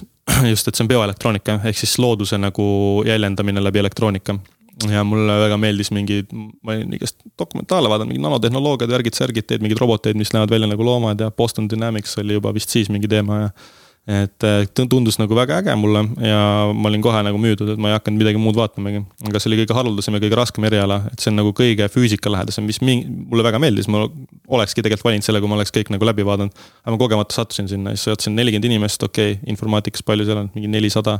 vahe, esimene mingi avaloeng öeldi, et noh, teil tavaliselt kaks tükki lõpetab nominaalajaga siis ma olin nagu okei okay,, kes see teine on ikka enesekindel ikka jah. ja, aga lõpetasingi nominaaliga ja me tegime rekordi jälle, meid oli mingi kuus vist või kaheksa äh, lõpuks, et aga ma sain selle käigus aru, et ma võib-olla nii ei taha nagu sihuke noh. ma tegelikult, kui ma nagu tehnoloogia peale läksin, mul oli see mõte, et ma tegelikult ma tean, et ma tahan business'i poolega tegeleda. Äh, mingit mõt... ettevõtet luua. ja, just tegelda, müük, turundus, need asjad, et ma mõtlesin, et need on tegelikult väga lihtne õppida, et need ei ole nii tehnilised, kui on tehnilised alad, et nagu mingi programmeerimist või riistvararendust ei saa võrrelda mingi turunduse õppimisega, et see detailsus ja keerukus, mis seal on, on nagu kordades raskem ja ma mõtlesingi seda, et kui ma õpin need tehnoloogiaalad selgeks. Ähm, üks asi tegelikult ka, miks mind elektroonika huvitas tegelikult tagasi minna, oligi see, et kui ma vaatasin arvutit, on ju, noh nagu see läpakas, et äh, seal tuleb mingi pilt ekraanile, kust see tuleb mis see teema on, et mis nagu mingi siit kasti seest on järsku pilt, et see ei ole mhm. loogiline mm -hmm. mu jaoks, ma seda ei osanud seletada, see ajas närvi mind ma äh, olen nii palju elus mõelnud lihtsalt selle peale, et nagu ongi meie inimkonna arengu peale täiesti perses, kuidas on võimalik, et me läksime mingi mäe juurde hakkasime mingi kuradi kätega sealt mingit kive kokku taguma omavahel ja tagusime neid kive ja metalle nii kaua kokku, kuni me saime arvuti, millel on pilt ees ja wifi võrgu.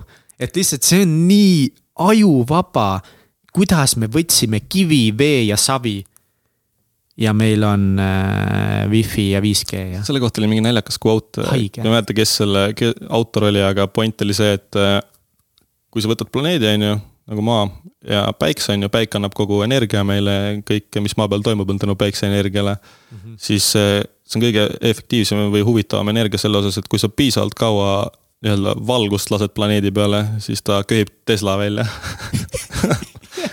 ongi Tesla orbiidil. Et see on nagu väga naljakas sihuke mõte, aga jah, sealt mul tuli see elektroonika nagu ängel. Ja siis ma mõtlesingi, et kui ma tean nagu kõike enam-vähem baastasemel IT-st, et ma saan rääkida kas riistvararendajaga või programmeerijaga või ükskõik kellega nagu tema keeles ja saangi kõigest aru, kuidas neid asju ehitatakse, siis äh, baaspõhimõtetest. jah, et see annab mulle, kui ma keskendun tegelikult business'ile, väga suure eelise kõigi teistele, kes selles valdkonnas tegutsevad, sest et mul on sellised insight'id, mida neil ei ole ja see on nagu väike supervõime.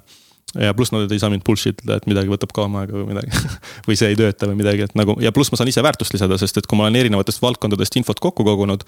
ja ma tean, mille, mis nende võimalused on, siis ma näen erinevaid asju, mida võib-olla teised mingites valdkondades ei näe, mida saab teha üldse. kasvõi, kui on täiesti näiteks äh, ärikeskne äri, kus ei ole nagu tehnoloogia inimesi näiteks ettevõttes, siis äh, kui ma tehnoloogia inimesena olen selles keskkonnas ja näen, mis seal toimub, siis mul tuleb ülipalju lahendusi kohe, kuidas saaks tehnoloogiaga mingeid asju paremini teha ja see nagu võimaldab erinevaid asju nagu leiutada ja mulle räigelt meeldib see, ma olen väga sihuke, et mul on nonstop nagu ideed lihtsalt. ma pean reaalselt faili üles kirjutama neid, et ma ei tekiks seda stressi, et ma pean need kõik ära tegema, et siis ma tean, et mul on kuskil riiul, kus ma saan kogu aeg võtta igast asju et, äh, et see oli nagu see, miks ma läksin, siis ma peale bakat ma mõtlesin, ma ei taha elektroonikat edasi õppida, et ma sain baasteadmised selgeks. ütleme niimoodi, et kui maailm plahvataks, siis ja ma võtaks oma elu eesmärgiks uuesti arvutid üles ehitada, siis ma proops mõtleks välja nagu mingi eluaja jooksul. et ma ei ole nii ekspert, et ma suudaks nagu kohe seda teha, aga nagu baasteadmised on olemas. siis ma mõtlesin, et ma lähen küberkaitsesse hoopis, tundus lahedam, et ma võrdlesin õppekavasid ja seal oli palju rohkem aineid, mis tundusid uued ja põnevad, mida ma ei tea veel. magistrisse? jah, et sihuke häkkimine ja sihuke värk tundus mulle hästi äge, mul oli üks äh, hea sõber ka, kes äh, on äh, nagu väga hea äh, häkker. Ja siis oli ülikõva, kuidas ta nagu, see on nagu maa, see on eraldi veel top maagia nagu, kus äh,, kui, kui sa näed neid asju nagu, see on täiesti uus värv nagu kõigele ja siis mõtlesin, see on ülikõva, hakkasin seda õppima, mul ei olnud ka plaanis mingiks pentesteriks saada või mis iganes, aga ma tahtsin seda osata ja mõtlesin, et mul on alati turvalisuse teemad meeldinud ja kõik siuksed asjad ja võib-olla siuksed militaarsed asjad ilmselt tuleb gaming ust. et siis mõtlesin, et see on äge nagu valdkond lihtsalt, mis, millest nagu aru saada. Et kunagi tulevikus tagasi panustada näiteks kasvõi Eesti riigi mingitesse asjadesse, kui, kui mul on võimalus nagu läbi selle ettevõtlusteekonna siis õppisin seda, tegime esimese küberkaitseettevõtte. oota, ma korra peatan sind, kas see ülikool muidu, noh, ongi küllaltki tehnilised ja, alad, eks ole, et äh, kas see õppimine, järjel püsimine, oli see lihtne sinu jaoks või, või kui palju. või lihtsalt, või sa olid nii nagu kuidagi driven, et sa lihtsalt kogu aeg panidki aega ja tööd sisse, õppisid need asjad ära, siis ütlesid, et. et sealsamas mm -hmm. elektroonikas ja bioonikas Äh, enamus ei lõpeta nominaalajaga, eks ole, miks sa siis lõpetasid, mis, mis see mm, oli? ma arvan, et suur faktor oli see, et mul ei olnud täiskohaga tööd, paljud, kes ei lõpetanud, nad äh, läksid kohe tööle kuskile ja siis nagu tõmbab koom ära, et mul ei olnud. siin on muidugi väga raske siis. aga ma tegin aktivismi hästi palju, seal ma mõtlesin kohe, et ma meelega tahan olla aktivist, et äh, see on oluline, mul on kõik rääkinud kogu aeg, et peab olema tutvusi ja värki ja siis ma läksin äh, üliõpilasnõukogusse ka ja kandideerisin seal teisel aastal vist kohe esimeheks ja olin veel seal mingi esinduskogudes ja asjades, et ma jaurasin seal ringi. ja sealt on ka väga palju häid tuttavaid ja sõpru, kellega me suhtleme siiamaani, et see on nagu väga useful olnud ka, et mm -hmm. see on üks põhiasju, ma arvan. ülikooli puhul pool ülikooli elust on see tudengi elu ja aktivism, kui mul poleks seda olnud, ma ei kujuta ette, nagu palju see igavam oleks äh, olnud. aga õppimise mõistes ma jällegi mingi cum laude't ei hakanud taotlema seal. et panin oma sama stiiliga edasi. Et mi-, seal oli lihtsalt see, et paljud asjad olid väga huvitavad, siis need jäid kohe meelde. ma ei pidanud nii palju pingutama, et äh, nagu mingeid teooria asju ära teha mingid tehnilisemad asjad, matemaatikat, kõrgemat matemaatikat, see oli raskem. Äh, meil ei olnud nii tugev matemaatika koolis, et seal mingid vennad olid mingi integraalid ja, ja, ja me tegime siin jah neid mingi pool aastat, siis ma olin, mis veider joon see on, et ma pole näinudki sihukest asja, siis hakkad uh -huh. seal nullist seda asjat korda õppima, et siis veits selle nagu nende asjadega ma struggle isin. füüsika mulle meeldis väga, sai mingi masinatega katset teha asju, see oli kõva meil, meil oli IT-erialades siis kõige rohkem füüsikat, et see oli nagu tuus. see on nii vinge, et sa oled leidnud nagu valdkonna, mille vastu sa oled nii kirglik, et praegu sa räägid ka, et on sinu häälest ja sinu näost, sinu ilmest, äh, väljendusviisist on kuulda, kui väga see pakub huvi sulle. et see on väga suur väärtus, kus sa leiad enda jaoks need asjad, äh, mis pakuvad sulle huvi ja, ja mõnikord on nagu isegi mul natukene nagu kurb, et kui inimesed ei leia vaata seda üles, et nagu mõned otsivad, tead siis, kui sa, no kui sa ei otsigi otseselt, siis mm -hmm. on mhm. nagu fine, aga. aga kui sa nagu otsid neid asju, mis sulle pakuvad huvi, ega sa kuidagi nagu ei leia seda üles, et see on nagu no, jama, et. jah, ja mul on kuidagi nii jah, et ma olen üli nagu huvituv inimene, et mulle väga paljud asjad lihtsalt kohe pakuvad räigelt huvi, et ma võin lampi mingit. ma kogemata ajaloos komistan mingi asja otsa ja siis ma loen mingit veidrat Vikipeediat lihtsalt mingi kolmkümmend erinevat tükki läbi, hästi nagu mingil määral useless info, aga ülipõnev lihtsalt mm. -hmm. mingil määral ma olen sellega mõelnud seda, et äh, see useless info on useless niikaua, kuni ta ei ole, et kui sul kuskil seda ühte fakti kunagi tulevikus vaja on, siis sa tead seda või viid mingid asjad kokku jälle ja siis annab jälle juurde, et nagu see, mida laiemaks ma suudan silmaringi ajada, seda rohkem ma suudan erinevaid seoseid leida. Äh, kus ma saan nagu mingit, võib-olla mingi ägeda asja välja mõelda, et see nagu drive ib, ma arvan, ka mu seda, et mul nii palju ideid on mind ka huvitab nagu lihtsalt maailm ja asjad ja ajalugu, et see on lihtsalt nii põnev, kuidas asju tehtud on, miks tehtud on ja. kui lugesin seda, mm, äh, selle äh, Noal Harari raamatut, see Sapiensi yeah., siis ta seal äh, ühes peatükis räägib ka päris pikalt just sellest, kuidas tekkis, tekkisid need Dutch Indie Company või mis selle nimi nüüd oligi, East India ja, Company ja, ja, ja, et noh, et, et kuidas need, need said maailma mingi suurimateks ettevõtteks mingi hetk ja siis kuidagi ma olen kohe mingi, mida fuck'i, kui põnev, noh, ma olin muidugi enne ka sellest kõigest nagu kuulnud nendest ettevõtetest, aga siis ma hakkasin kohe mõtlema, et vau wow,, et kuidas tegi, kohe hakkasin guugeldama, otsisin välja mingid raamatud, mis räägivad nende ajaloost, et kuidagi.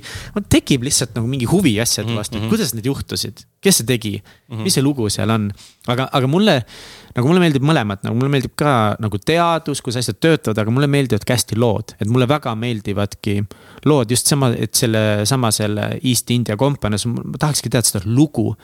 et kuidas see sündis ja mis seal juhtus ja mis olid need erinevad olukorrad ja. just see oli ka Sapiensis, et lood on kõige paremad viisid, kuidas nagu seda informatsiooni edasi anda, et äh, see. miks me oleme üldse nagu inimkonnana nii edukad. jah, miks me seda podcast'i teeme siin praegu täpselt sama mm. -hmm.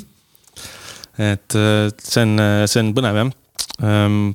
aga jah äh,, mis me siis tegime, siis me hakkasime oma esimest äh, startup'i tegema, no tegelikult ma tegin mingeid väikseid projekte veel enne, mis fail isid. Need ei olnud mingid suurejooneliselt fail'id, aga enam-vähem mul oli populaarteadus väga hingelähedane, siis me tahtsime teha mingit uudistesaiti, mille peale kümnete artikli kirjutamist ma panin kinni, sest ei jaksanud enam sõbraga koos. põhimõtteliselt sa ikkagi aktiivselt kogu aeg, sa ütlesid, et sul olid mõtted, et sa aktiivselt kogu aeg mõtlesid, et millisest mõttest saaks teha ettevõtte, et panid need kirja, arutasid sõpradega, et sa ikkagi aktiivselt töötasid sellega, et okay.. ja, ja kõik mingid äh, startup event'id, värgid, särgid kogu aeg käisin, üritasin igast asju kogu aeg teha, mul oli mingi idee, kus ma teen mingi äh,, siis ma vist juba õpetasin, tegin mingi äh,. tahtsin mingi elektroonika õpetamise kohvri teha, kus on mingi lihtsad mingid jubinad, mis nagu noh, näevad lahedad välja ja siis saad mingeid skeeme kokku panna, aga see oli tegelikult iseenesest hea idee ja see oleks palju väärtust loonud, aga selle business case oli nii väike, et. ja selle huvi nagu kuidas kadus kuidagi ära, siis me selle nagu ei hakanud päris tegema ja siis peale seda tuligi see cyber security teema Äh, ja siis ma ütlesin ka oma sõbrale, kes oli hea häkker, et ai, teeme, et algus oli idee lihtsalt, et hakkame mingi turvateste tegema. et kellele, kuhu? ettevõtetele mingi veebilehed, värgid, särgid, et hakkame lihtsalt nagu turvateste tegema, et kus on turvaaugud ja värk, sest ta kogu aeg rääkis, et kõik on ka ülikatki mm -hmm. ja mhm. nagu oligi, no siiamaani on kõik mega katki. Et äh, hakkame tegema lihtsalt, tuli välja, et, äh, et töötajaid väga ei, ei taha mingi kahelt kahekümne aastaselt osta mingit värki, et oo oh,, tule häki meile sisse siis me hakkasime nagu vaatama, et mis me teha saame, siis ma tutvusin ühe, ah ma ei mäletagi, kus ma tutvusin temaga, äkki mingi konverentsil äh,. ühe oma mentoriga, kes oli nagu siiamaani on nagu väga kõva maailmatasemel ekspert. ta on nagu nii kõva ekspert, et ta kutsutakse nii palju esinema igale poole, et ta lendab mingi kolmsada päeva aastas vist, kui veel lennukid oli teema. ise viitsib käia kogu aeg? jah, ja ta töö vist oligi hästi suuresti nagu konverentsidel esinemine äh, ja nüüd ta on ühe väga suure äh, börsiettevõtte chief science officer vist USA-s, ta elab Eestis ikka, ta on iirlane tegelikult. ja siis tema tuli meile mentoriks, sellepärast et see teema, mis me tegime, oli nagu või noh, see teema, mida me hakkasime juurutama peale seda, kui, äh, kui see veebi häkkimise teema ei töötanud, oli nagu põnev ja see teema oli selline, et äh, okei okay,, esimene asi häkkimisel on alati informatsiooni kogumine. ja kogutakse tihti inimeste kohta, seda kutsutakse äh, social engineering uks, kui sa üritad inimese kaudu nagu ettevõttesse sisse saada, mingit äh, kuidagi seda ära häkkida ja siis me hakkasime vaatama, et. too mõni näide ka, et inimesed, kes ei ole kuulnud social engineering no,, mida see tähendab? hästi lihtne näide, mida ei juhtu peaaegu kunagi, aga on see, et sa paned Helkur vesti selga ja lähed näiteks äh, loengusaali ja kruvid projektori lihtsalt keset loengut alla ja siis. Äh, kui keegi küsib, mis teema on, siis ütled, aa, läheb parandusse lihtsalt, aga tegelikult sa viid selle minema lihtsalt mm. -hmm. häkid ära lihtsalt nagu psühholoogiliselt, et see on nagu sihuke inimeste häkkimine mingil määral ja see on hästi lihtne näide, aga see on, seal on palju nagu teisi näiteid, et näiteks tegevjuht läheb puhkama kuskile, sa näed ta instast, et ta puhkab, siis äh, keegi häkker saadab nagu äh, CEO meili alt CFO-le näiteks meili, et maksa kiirelt see arve ära, et meil on siin suur projekt ja tegelikult on ka, on ju, aga lihtsalt seal midagi on natukene muudetud. raha läheb kuskile mujale, et seal tõmmati Boeingult vist kuuskümmend milli ära niimoodi. üks tüüp Leedust saatis lihtsalt Facebookile ja Google'ile arveid mingite asjade eest, kakssada milli pani tuuri et äh, mõtledki, et kakssada milli varastatakse ära Face'ist ja Google'ist, et mis, ma ei tea, operatsioon see peab olema, aga ei, lihtsalt mingi klemm kuskil Leedus arvuti taga jah, inimesed on need ühed kõige suuremad nõrgemad lülid. just, ja see ongi, mis äh, selle point oli, et me tahame seda vähendada, ehk siis äh, aidata inimestel oma digitaalset jalajälge nagu vähendada, et see kõik, mis nad jätavad netti, see on tegelikult info, millega saab äh, inimest võib-olla rünnata või kuidagi ära kasutada või sul on pilt mingi, kus sul on selfie ja selja, seina peal on wifi parool või mis iganes. Mm, -hmm. mingid siuksed asjad, et me tahtsime seda kõike vähendada. Ja see oli just kasvav nagu probleem või noh, siiamaani on probleem ja suur kasvav probleem küberkaitses siis me tahtsime seda lahendada ja me hakkasime siis tarkvara arendama, kus siis, mis skännib nagu seda informatsiooni, lihtsalt kaevandab igalt poolt äh, inimeste kohta andmeid, et meil vahepeal oli päris sihuke lahe tarkvara, kus sa paned inimese mingi meili ja nime sisse, siis. sealt jookseb kõik kokku, mis ta, kus, mida teinud on, nagu, et see oli päris äge.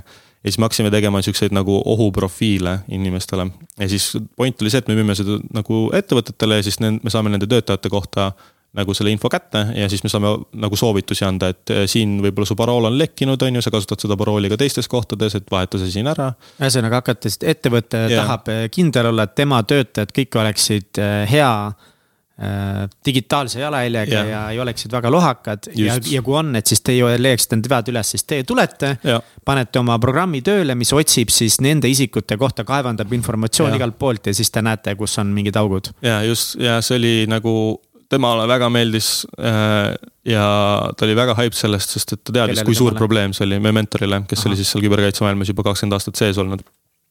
ja siis, äh, kuna ta oli meie mentor, siis see avas väga palju ka uksi igale poole ja me saime igast ettevõtetega jutule, kellega me poleks kunagi jutule saanud muidu ja siis me seal tegime oma seda projekti ja siis mingi hetk, ah see on esimene hea sihuke peikiminek oli see, et äh, tahtsime raha siis saada, hakata, hakata raha kaasama, et äh, me olime vist kuskil uudistes, et äh, hakkame mingeid ettevõtteid kaitsma või midagi ja siis üks riskikapitali ettevõte kirjutas meile, et oh, tundub väga põnev, me teame, et see on suur probleem, on ju, et tule räägi meile, siis ma olin, vau, nüüd, nüüd see hakkabki, ma olen näinud neid filme küll, siin on see esimesed rahad ja värgid, särgid siis meil polnud aimugi, mis asi on valuatsioon või mingi, kuidas see üldse käib või mis point on, on ju. ja siis me mõtlesime välja siis, et me tahame kaheksasada tuhat euri.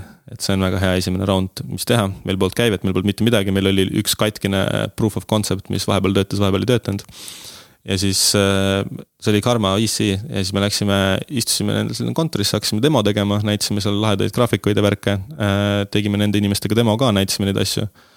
ja siis äh, tuli välja, et nagu tegelikult sul peab kliente ka olema, et raha küsida või mingit traction'it. meil ei olnud midagi, meil oli lihtsalt nagu demo, mis Teil töötas, on ju. jah, et meil oli mingid ettevõtted olid öelnud mingi või mingi ekspert oli kuskil öelnud, et see on kõva teema, vaata.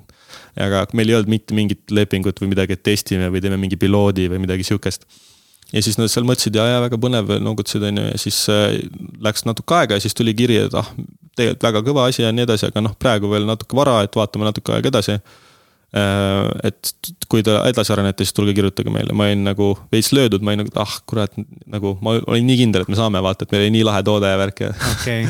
pärast tuleb välja, et äh, või noh, pärast hiljem sellest toodest tuli välja, kuna ma õppisin seda, kelle juures tegelikult tuleb üldse raha küsima hakata, et see, kus me läksime, me olime mingi, ma ei tea, kaks-kolm aastat liiga vara selle jaoks üldse, et sul peab ikka normaalne käive olema, kui sa lähed sihukest raha küsima ja. nii suurt raha. jah, et mis see tähendab siis, et me anname siis, me pakkusime ka vist, mis me tahame, et mingi kakskümmend prossa või midagi, et. mis valuatsiooniks see lõpuks kokku tuleb, kui meil on lihtsalt üks katkine skript, mis otsib natuke asju, siis okei okay. tagantjärgi mõtled, et see oli väga naljakas nagu asi, et see, et me seal istusime ja mõtlesime niimoodi, et me oleme nüüd need lahedad vennad, kes siin lahe peal küsime, ma kujutan ette, et nende vaatevinklist.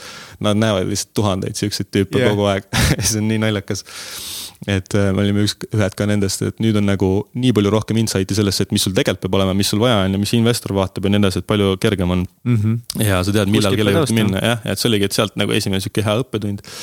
ja siis noh, higistasime seal edasi ja siis me, mingi võistlus oli ja vaatasime, et äh, tundub, et meie jaoks juba liiga hilja, et see oli mingi ideefaasi asjade värk, aga noh, me olime ka enam-vähem seal faasis ja meil veel nagu ei olnud nii suureks kasvanud, et meil kliendid oleks ja nii edasi. et kandideerime ka, et see oli Mektori pitching mingi võistlus seal oli auhinnaks oli kontor, ülikõva Mektoris ja teine mingi auhind oli ka mingi reis USA-sse või midagi sihukest, et seda me üldse ei vaadanud, vaatasime, et tahame kontorit saada, üllahe. siis kandideerisin mingi viimasel minutil, leidsin selle viimasel minutil, kandideerisin, saime top kümnesse seal mingi eelasjade põhjal, kus oli vist mingi äkki kuuskümmend kandidaati. ja top kümme siis tuleb pitch ima. ja siis me harjutasime äh, koos selle mentoriga pitch'i nagu pooleks. et äh, ma teen pool ja tema teeb pool aga ta oli muidugi lendas jälle kuskil on ju ja siis äh, me teadsime enda pitch'i slot'i, millal me nagu lavale lähme, kolm minutit, cut itakse kohe ära rangelt. Äh, seal olid mingid tüübid, kes nagu jooksidki kokku, nii et ei tulegi midagi, läksid lavalt maha lihtsalt, onju. ja siis mul oli lihtsalt nägu nii punane, sest teda ei olnud veel ja tema. olid sa avaliku esinemisega kokku puutunud, palju olid sa hea esineja? ei äh,, ma olin väga halb ja ma kartsin reegelt tegelikult avalikku esinemist juba tegelikult koolis ja ma meelega mingi hetk mõtlesin, et ma hakkan ennast sundima kogu aeg, et kui mingi grupitöö või midagi on, et ma ütlen, et davai, ma teen. et isegi kui ma higistasin ja värisesin selle ees ja üritasin teha, siis mingi hetk sain aru, et polegi ju midagi hullu, et lihtsalt räägid, on ju. ja siis üritasin järjest paremaks saada ja nii edasi, see hetk ma olin võib-olla mingi koolitöid teinud, aga ma ei olnud nagu väga laval esinenud või midagi. mida sa tundsid siis seal äh, lava taga?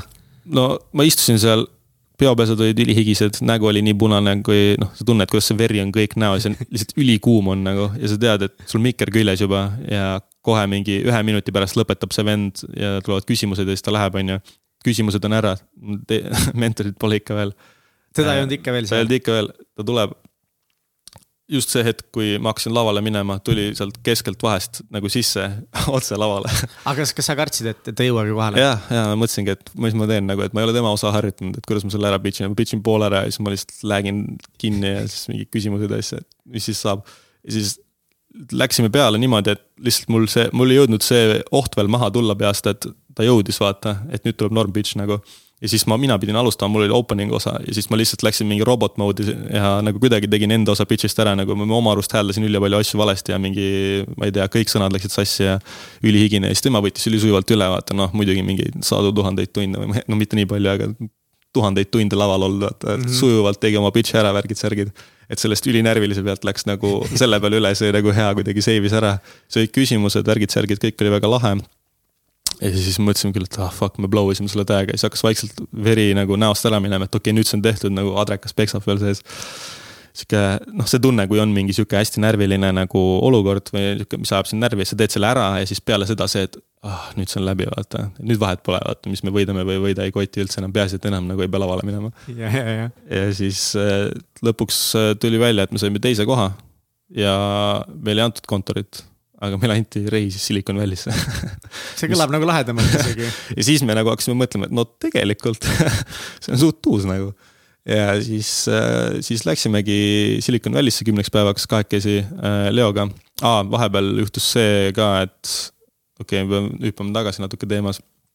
enne kui me Silicon Valley'sse lendame et äh, eelmine CTO, kes oli see häkker, kellega me koos alustasime, ta äh, ei jätkanud nagu meiega. Äh, ta, talle väga meeldib progeda, tahtis rohkem olla tehniline ja nii edasi, et ta nagu tundis, et nagu ei ole ja siis ta ei jätkanud. siis mul üleöö ei olnud CTO-d ja meil oli tehniline, ülitehniline toode, mis ainult seisneb selles.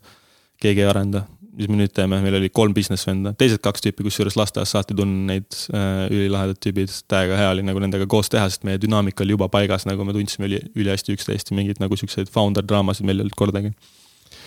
Ja, ja noh, ka hustlerid, nii et väga nagu hea kombo, see on hästi riskantne tegelikult kellegagi koos niimoodi teha, sest kui sa oled tüllis, see on nagu, see võib nagu halvasti lõppeda, aga meil nagu ei juhtunud seda õnneks, igastahes CTO läks ära. ja siis ma lihtsalt mõtlesin, et mis ma nüüd teen nagu, mul ei ole mul ei ole CTO-d, mul ei ole nagu. ehk siis chief technical officer'i ehk siis tehnilist juhti ei olnud just. sul on ei tehnilist juhti ega arendajat. jah yeah,, just täpselt, paljud startup'id alustavadki, et neil polegi ja nad mõtlevad mingi mock-up'i välja, aga nagu meil pole mitte midagi ja siis mul, minu jaoks oli suur nagu see, et ongi kõik nagu. mis me nüüd teeme, me oleme kaks aastat siin higistanud, on ju, oleme mingeid võistlusi äh, siin äh,. siis me juba mingitel pitch'i asjadel olime vist käinud, siis ei olnud veel see, kui me Silicon Valley reisi võitsime, see oli enne. ja siis äh, mõtlesin, et oi, ma, okei okay,, hingan, mõtlen, et oi, see on probleem, mul on vaja see ära lahendada. mingil määral mul on, siis mul ei olnud veel nii tugevalt see filosoofia, aga nüüd mul on sihuke filosoofia, et on päris probleemid, ei ole päris probleemid. päris probleemid on siis need, kui keegi saab surma. kui keegi surma ei saa, siis ei ole päris probleem, et äh, siis on savi, et siis, siis ma juba mõtlesin mingil määral seda, et okei okay,, see ei ole tegelikult päris probleem, vaata, et midagi ei ole katki, mis siis saab nagu, kui see plahvatab, ma teen uue lihtsalt. ja mõtlesin, et oi, ma lahendan ühe päevaga ära selle täna on see eesmärk, ma lahendan selle ära, muutan uue CTO endale. siis läksin äh, Tartusse. Äh, meil oli siis ühisõppekava TTÜ ja Tartu vahel ja siis me sõitsime sinna loengutesse vahepeal ja siis loengutes istusin seal Tartus ja kirjutasin mingi grupi chat'i meil, kus kõik teised olid, kes meie kursusel olid. mul on nüüd CTO-d vaja, et siuksed on nagu nõudmised ja siin pakume seda, on ju, ja siis äh, meil on vaja ja siis ma sain kaks inimest, kes kirjutasid mulle, üks oli siis Leo kes on äh, praegu ka Promote'i co-founder ja siis tuli meile CTO-ks. Äh, ja teine oli üks teine arendaja, äh, kes siis tuli meile arendajaks.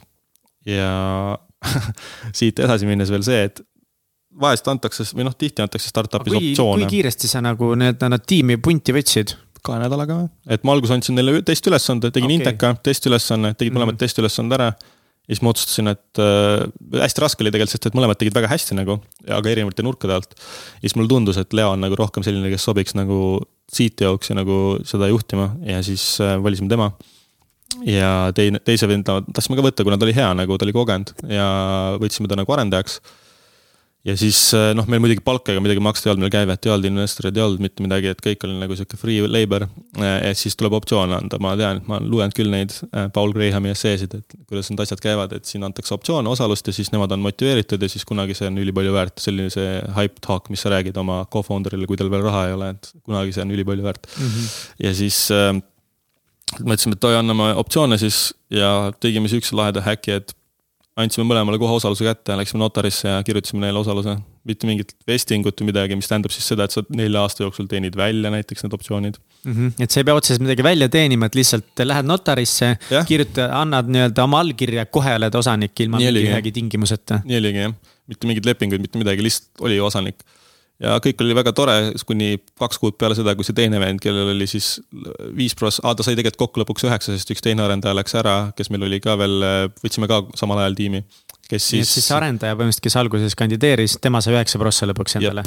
üheksa prossa ja siis kaks kuud hiljem ütles, et aa ma lähen mingi üheksa kuu pärast Taani Microsofti ja siis äh, meil oli ühel tüübil lihtsalt üheksa protsenti, kes läheb ära kohe ja siis me olime nagu okei okay,, mis me nüüd teeme, vaata okei okay,, ju see ei ole probleem, vaata Savi enda viga on ju, kirjutame enda korstnasse. ja siis üritasime kandideerida startup Wiseguys'i ja siis sihuke koht nagu Cylon, mis oli, sinna meid isegi recruit iti, Cyber Security Accelerator Londonis, Euroopa esimesi.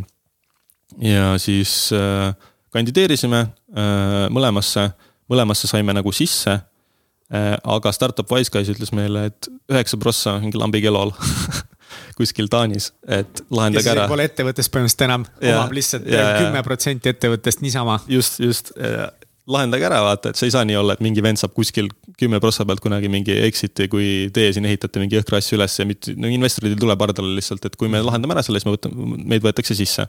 aga me saime ka Cylonisse sisse, kus oli natuke väiksem raha, aga seal oli cyber security specific nagu Londonis, ülikõva, et kolime Londonisse kolmeks kuuks ja siis me lõpuks otsustasime, et me läheme Cylonisse, nemad ütlesid sama, lahendage ära, aga nad võtavad meid vastu ikka, aga nagu lahendage nagu selle jooksul see ära. ja siis äh, me lahendasimegi ja võitlesime seal ja lõpuks meil läks vist mingi aasta või peale, kuni me võitlesime lepingu välja, et ta on nõus vähendama kahe protsendi peale, mis oli nagu mingil määral meile okei okay,, kuna ta midagi ikka tegi nagu selle aja, kui ta oli meil mm. -hmm. ja teine probleem oli see, mida me ei teinud, me ei teinud ühtegi founder agreement'it, IP lepingut, mitte midagi, mitte ühtegi lepingut, ehk siis intellektuaalomandi leping, väga oluline asi startup'il alguses, kuna see arendaja oleks. mida meeskond ehitab, kuulub ettevõttele, mitte nendele inimestele. jah, aga meil polnud seda, ehk siis temal oli lihtne argument, et kui te siin nüüd panete ettevõtte kinni ja teete uue ettevõtte või mingi sihukest äh, skämmi üritate teha, siis äh,. siis ta saab meid nagu kohtusse kaevata, et ta arendas nagu suure osa sellest. või noh, tegelikult mitte väga suure, aga nagu äh, mingi ploki äh, ja siis me lõpuks võitlesime selle välja, et me saime nagu ka IP-lepingule allkirja ja. aga ta ise alguses ei olnud nagu nõus, et ah jah, poisid, teil on nagu õigus, et ma annan hea meelega enamus oma osaluse ära. algus mitte, et algus oli suht defending, aga siis me tegelikult, kui me noh, kui see kaitserefleks maha läks, siis ta tegelikult sai ise ka aru ja ta oli väga mõistev, lõpuks ta tuli meile vastu, aga see läks lihtsalt kaua aega ja miks kaua läks põhiliselt oli see, et me saime kätte teda nagu väga pikalt äh,. mitte selle osas, et ta nagu kaua meile vastu võitles, et ta nagu paar korda oli nagu veits sihuke, et vau wow,, mis te ründate, vaata ja siis ta sai aru, et tegelikult on nagu loogiline ja siis nagu õnneks tuli vastu. et see oli sihuke hea, hea fail et see oli nagu väga higine, lihtsalt me terve aeg mõtlesime, et me ei saagi, nagu me ehitame mingi ülikõva asja valmis ja siis lihtsalt see asi rikub kõik ära nagu ja, ja siis, kui me sinna kiirendisse saime, siis seesama hetk me tegelikult võitsime selle Silicon Valley reisi. Äh, see oligi niimoodi, et äh, kui me Leoga, siin kaks kohta oli, ehk siis me Leoga lendasime, meid oli muidu neli ja läksime siis äh, San Franciscosse, seal oli sihuke suur konverents nagu RSA, kus siis äh, oli hästi palju igast äh, küberkaitseeksperte ja suuri ettevõtteid koos, mis oli meie jaoks sihuke kõige high value kuht, kuhu minna. siis me saime ka muidugi seal lahedal Sandhill Roadil tuuri, kus olid kõik need, see on sihuke koht, kus kõik need VC-de kontorid koos on, ehk siis riskikapitalid, see on see, kus see kõige suurem raha liigub Silicon okay. Valley's. olgu. saime seal tuuri ja saime uh. ühe suure ettevõttega laua taha, kus üks eestlane töötab, et see oli väga äge aa, ma vist tean seda tüüpi, temast oli Eesti Ekspressis kunagi mingi hullult suur artikkel vist isegi.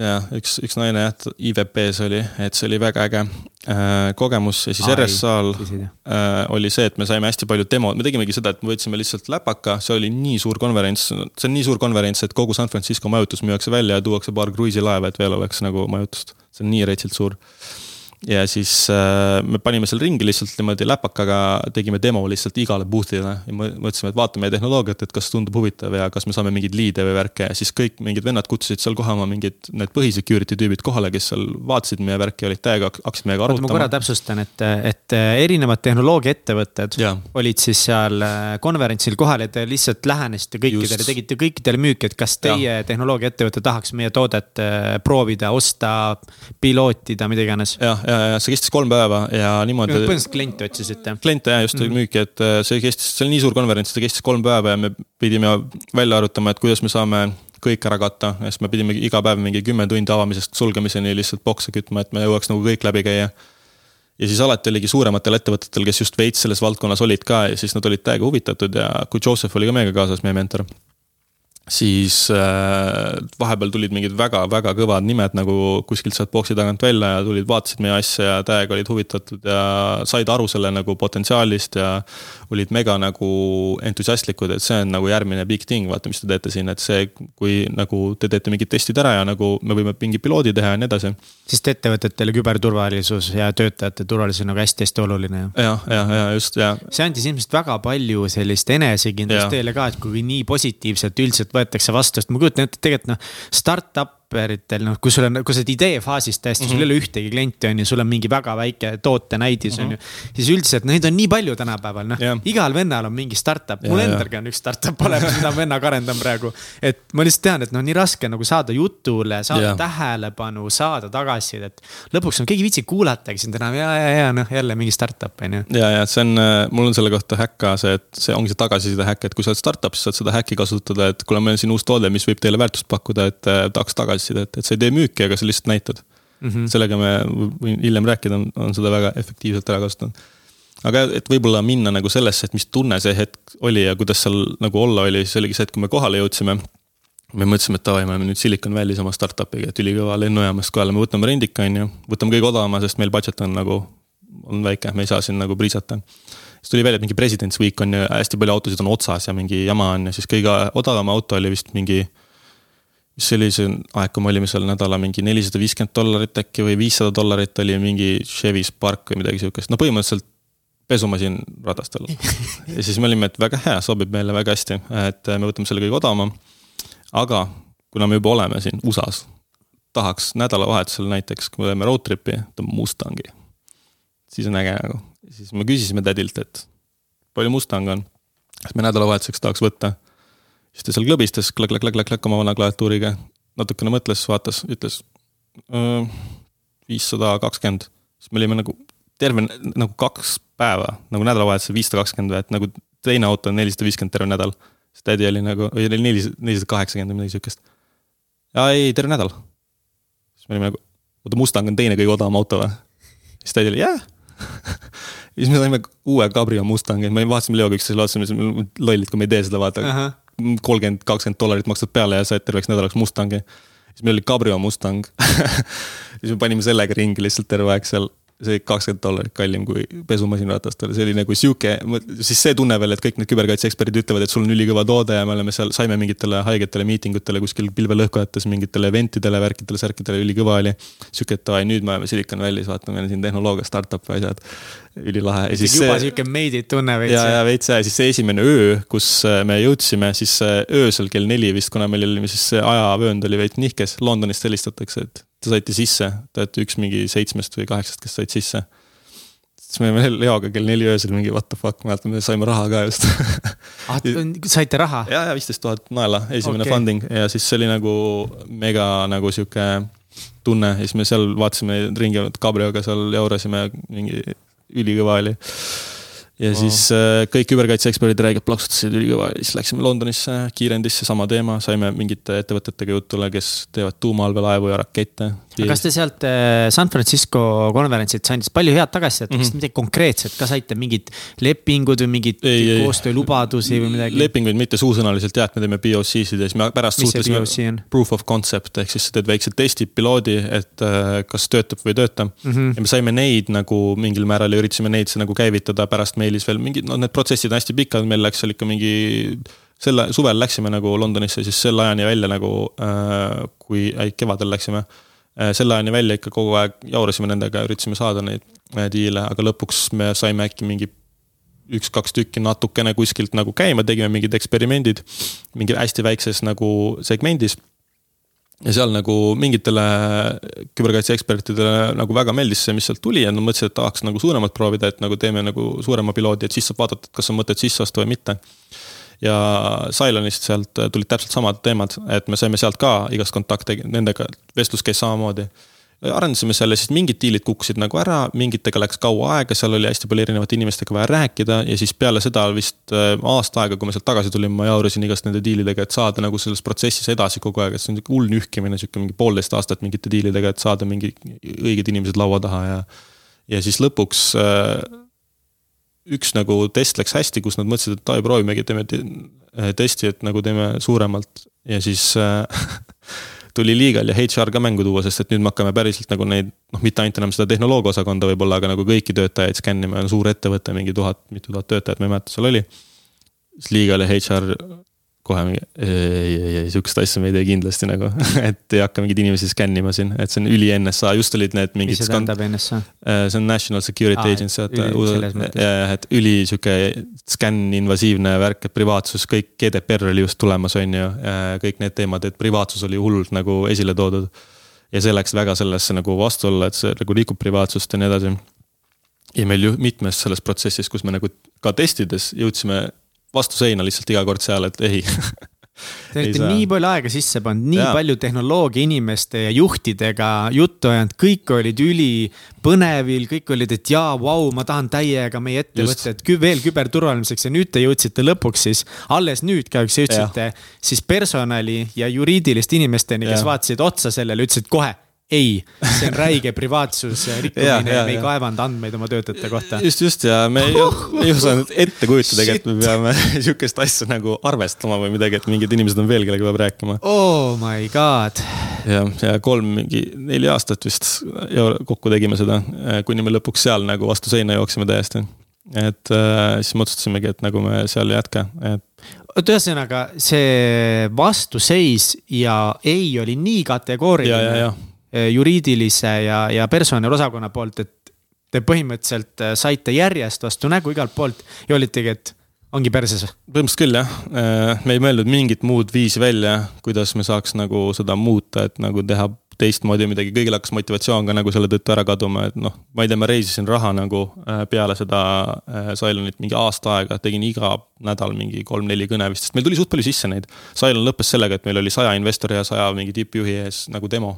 Äh, see oli harv.... huvi oli nagu väga suur investorite poolelt, aga huvitav, minu jaoks on hästi huvitav nagu see, et, et need investorid on ju riskikapitalifondides ongi väga tugev mm -hmm. juriidiline kompetents ja kõik see, et, et kuidagi, et nemad seda ka riski välja ei toonud. no meil polnud otseselt ühtegi sellist investorit sees, nad mm. mingil määral seda toodi küll välja, aga me veits nagu vilistasime sellele, me olime, et ah, nii hull ka pole, vaata, mis asja nagu, et nagu ettevõttel, inimesel on endal ka hea, me tegelikult isegi vahepeal mõtlesime, et teeme niipidi, et inimene teeb ise konto, vaata, lükkab ise kõik sisse ja siis me saame kõik kätte ja nagu skännime okay.. siis me veits nagu mõtlesime, et see ei ole nii hull teema, aga siis, kui me müügis nagu reaalselt nagu otse vastu seina panime seal selles igas nagu protsessis, siis me saime aru nagu. oota, sa hakkasid rääkima seda, et sa olid veel aasta aega nagu tegelenud hästi no. tugevalt ka sellega, et raha kaasata. ja, ja, ja, ja ma ikka pitch isin ikka väga palju jah, sest hästi palju tuli sisse liide ja ma ise otsisin ka ja mingi jah, ma arvan, äkki mingi kolm kaks kuni neli korda nädalas oli ikka mingi investor pitch, mul oli see nii peas lihtsalt. Äh, eriti kuna me tegime Silonis selle demo,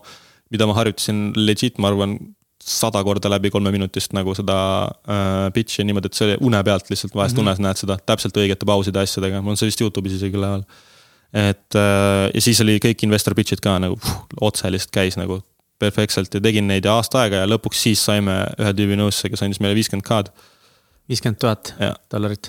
arenduseks ja siis meil oli üks idee, mida me tahtsime seal arendada, mis oligi vist selle, et me suuname selle eraisikute poole, aga siis me ikkagi saime aru, et nagu mingi paar kuud peale seda vist, et me ei suuda nagu. ja siis me mõtlesimegi, et okei okay,, proovime midagi muud teha, siis et äh, sellesama ettevõttega, et me näiteks hakkame lihtsalt äh, erilahendusi nagu arendama ettevõtetele mingi turvalisuse nurga alt või mingi dashboard'ide alt, sest me olime dashboard'e, mis tähendab siis sihukest noh, veebiplatvormist sihukest töölauda, mis koondab nagu andmeid kokku, et me olime neid nagu teinud ja me olime seal mingid äh, andmed, mingi know-how oli olemas, et me üritasime seda siis lihtsalt nagu teenustena müüa.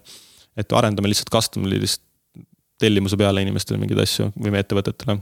siis me seal mõned kliendid äh, saime, mõned diilid tegime, aga lõpuks see nagu noh, me saime aru, et nagu see ei ole see, vaat tahame ikkagi mingi asja teha ja siis umbes mingi nädal peale seda vist, kui me otsustasime, et me ei jätka räägi sellest ähm, nagu hetkest või mis emotsioonid sind valdasid äh, sel hetkel, kui sa nagu kalkuleerisid seda, et kas see panna kinni või mitte, oli see nagu raske otsus või, või võib-olla selleks hetkeks juba oli lihtsam, aga räägi sellest kõigest, kuidas sa nagu hakkama said sellega? ei, see oli pigem raske jah, sest et nii palju oli nagu alla pandud, me just olime nagu raha ka saanud, äh, me olime nagu me olime nii sees seal nagu mingi hetk, et sa ei saa fail ida, vaata, see on nii. neli aastat tööd. jah, et nagu kõik ütlesid, et see on ülikõva, et et äh, valideerisime lihtsalt vale grupiga, aga nagu see hetk oli nagu ikka noh, veits oli küll nagu korraks mast maas, mõtlesime, et kõik see aeg, kõik see teema, lihtsalt nagu fail aga siis ma hakkasin mõtlema, et kas on nagu, me oleme väga palju õppinud siit.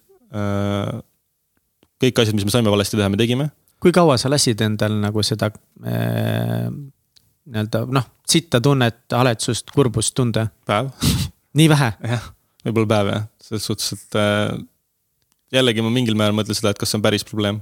et jah, on, aga me, me nagu mitte ei ole päris probleem, et see on probleem, aga me õppisime sellest ja kas meie nagu inimestena kaotasime, väga mitte ja see on nagu väga hea teekond ja me saame seda väärtust nii-öelda maailmale tagasi anda kordades rohkem nüüd, kui me oleme rohkem õppinud, arenenud ja oskame rohkem. siis mõtlesin, mis seal ikka nagu siin mis ma siis teen, lähen kuskile tööle ja unustan oma unistused ära või? Ei kõla hea ideena, davai, hakkame uut ideed mõtlema. Ja parasjagu ma lihtsalt olingi tegelikult niisama uurinud, mulle meeldib nagu noh, jälle mingi huvi oli, siis influencer'i turundus oli lampi see hetk mul huvi ja ma uurisin, kuidas see töötab, sest et nii ülihäid tulemusi tehti sellega igal pool ümber maailma ja vaatasin, mingi uus asi hästi kasutatakse. ja siis ma sain aru, et see on ülimanuaalne tegevus, mida kõik igal pool teevad ja kuskil maailmas juba mingid platvormid on.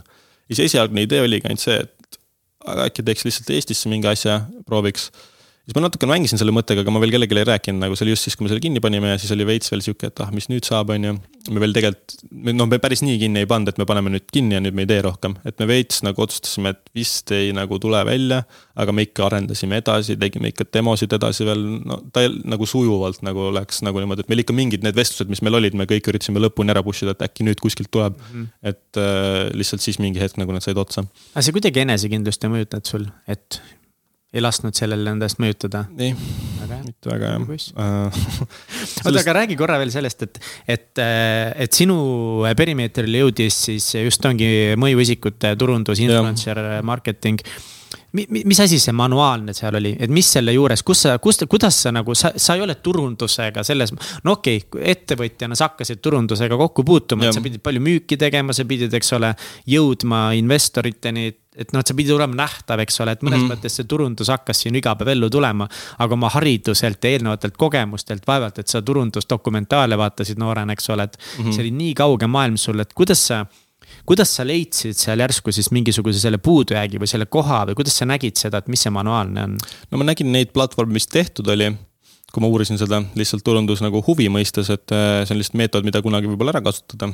ja siis äh, ma sain aru, et kuidas seda ilma nendeta tegema peaks, on see, et sa lihtsalt otsid influencer eid manuaalselt, toksid kuskile sisse, üritad leida mingeid profiile ja siis sul on vaja Excelis kõik seal ära koondada see asi ja siis edasi-tagasi suhelda nendega. sa mõtlesid, ehk siis sina kui nagu ettevõtja põhimõtteliselt, sina, kui sa tahaksid ja, kasutada, kasutada mm -hmm. mõjuisikuid omaenda mingisuguse toote turundamiseks.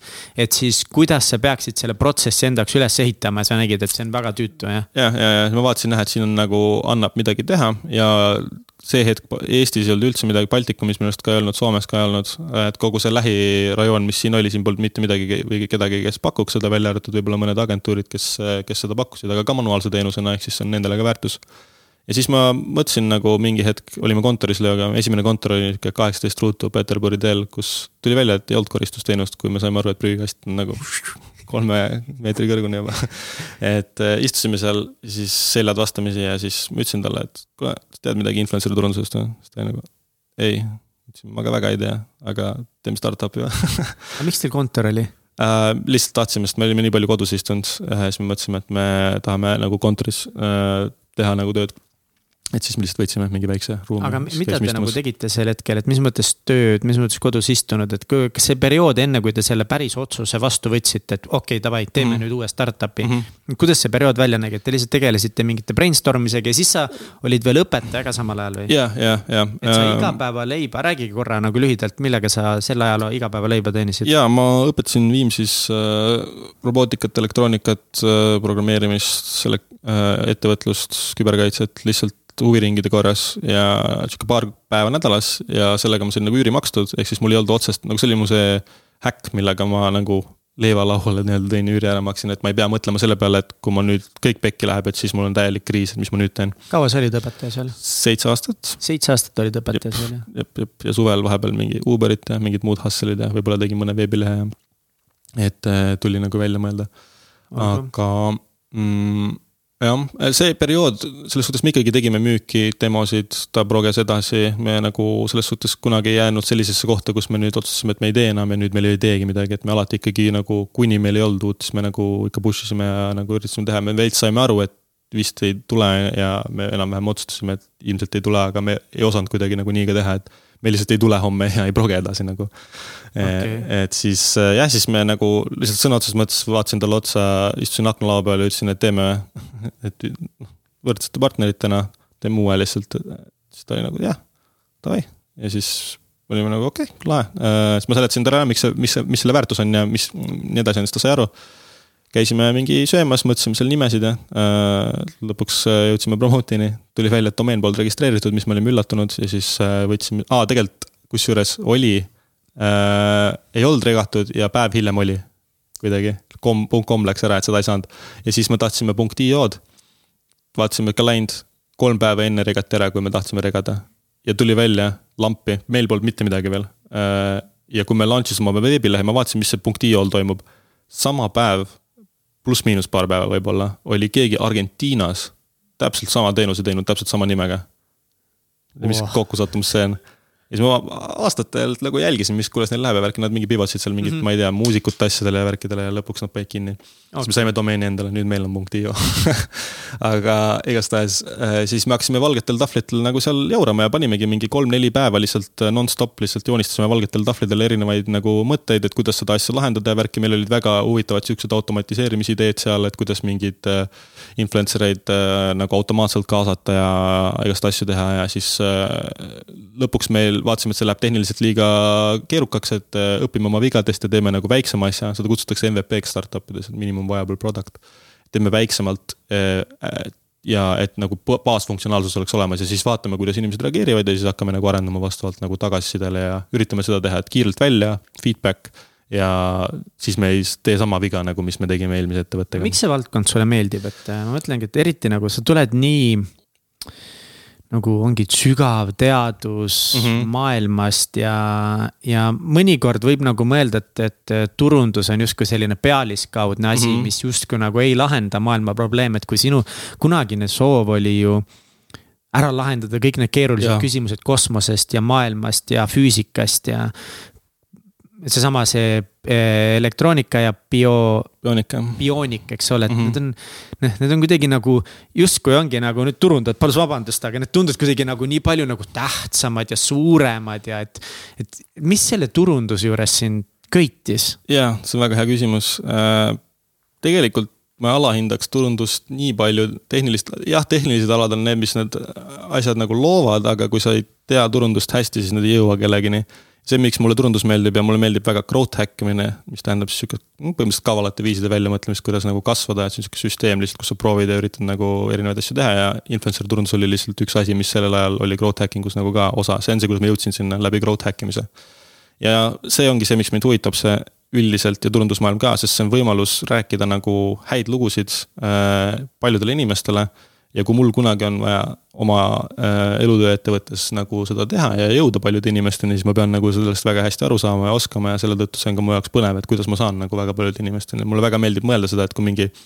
mingi bränd tuleb meie juurde, kellel on väga hea toode, ideaalne, aga nad veel ei müü ülipaljudele inimestele, siis ma näen nihukest võimalust lihtsalt, mis siin teha annab et see, eriti kui influencer'i turundus just sobib neile näiteks, see on ideaalne koht, kus nad saavad nii palju väärtust sellest, et see võime, võimendab nende äri nagu nii palju, see on nagu minu jaoks äge. see on see, miks ma tahtsin nagu midagi sihukest teha ja ideaalis see ongi nagu, mida promote'i nagu teha võiks turundajate poole pealt. ja influencer ite poole pealt, see on teine point. point on see, et äh, kuna me olime alati remote ja meile alati meeldis ettevõtluselu, siis tegelikult influencer'id on nagu ühe inimese ettevõtted yeah.. ja nad saavad elatist teenida sellega, mis neile meeldib, ükskõik kust. Sihuke nagu piirideta maailma point ja see oli nagu see, mida me tahtsime võimaldada neil siis äh, influencer ite poole pealt, et nad saavad sellega elatist teenida äh,. mis, mis, millega neile meeldib ja tihti algus oli suht raske nagu väiksematel influencer itel alustada. ja me tahtsime selle nagu kättesaadavamaks teha, et kui sul ongi võib-olla tuhat jälgijat või midagi, siis enne sul ei tulnud võib-olla diile ja sa said selle eest päris nagu mitte midagi siis nüüd nagu turg on nii palju arenenud, äh, ma arvan ka suuresti tänu meile siin rajoonis, et äh, nad juba saavad diile, nad saavad nagu sellesse maailma sisse, et äh, see oli see, mis minu jaoks nagu tegi selle lahedaks. Mm.. ja väga hea vastus. Ja ma olen ise olnud kunagi hästi pikalt sihuke turundusvastane väga või ma ei näinud nagu väärtust sellel kunagi nooremana või mingil ajal, et, et kuidagi ma olen hästi nagu. no ongi siis growth marketing'ist ma saan nagu aru ja growth hacking ust Eh, veidi. Eh, mitte, mitte selles mõttes saan aru, et ma tean, kuidas teha, aga ma saan selle väärtusest aru ja ma olen lugenud mm -hmm. samamoodi, kuidas startup'id on nii edukalt nagu seda kasutanud, et kasvada mis justkui ongi ju väga vajalik, eks ole. aga vahepeal ma olengi mõelnud, et no ongi, et noh, et ikkagi see tootearendus on ju, mis mõni ütleb, et see on samamoodi turundus üks ähm, mõtteviis või tehnika ongi see, et sa tegeled nii tugevalt oma tootega mm. -hmm. et see nii-öelda levib ise nagu siis suust suhu mm -hmm. turundusega, ma kuidagi nagu hästi tugevalt uskusin sellesse alati, et ei, et nagu mis kurat, ei tee mingeid reklaame, mis ad'id, mis reklaamid, mis.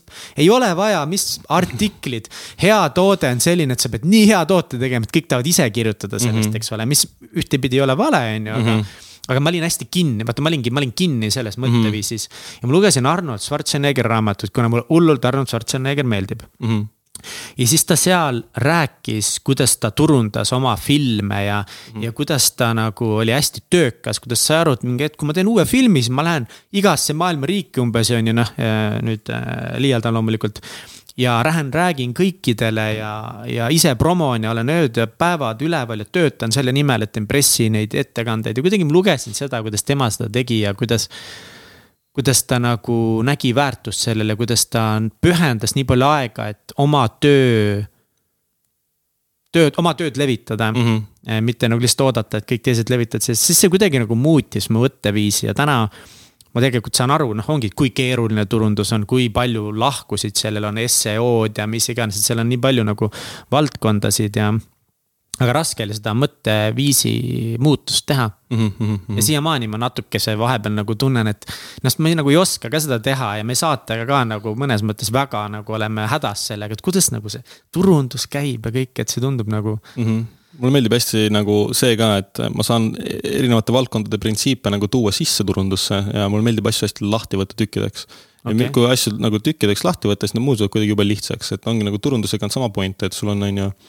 tegelikult, mis sa teed? sa teed seda, et sul on vaja viia oma toode nende inimesteni, kes seda tahavad, su sihtgrupp.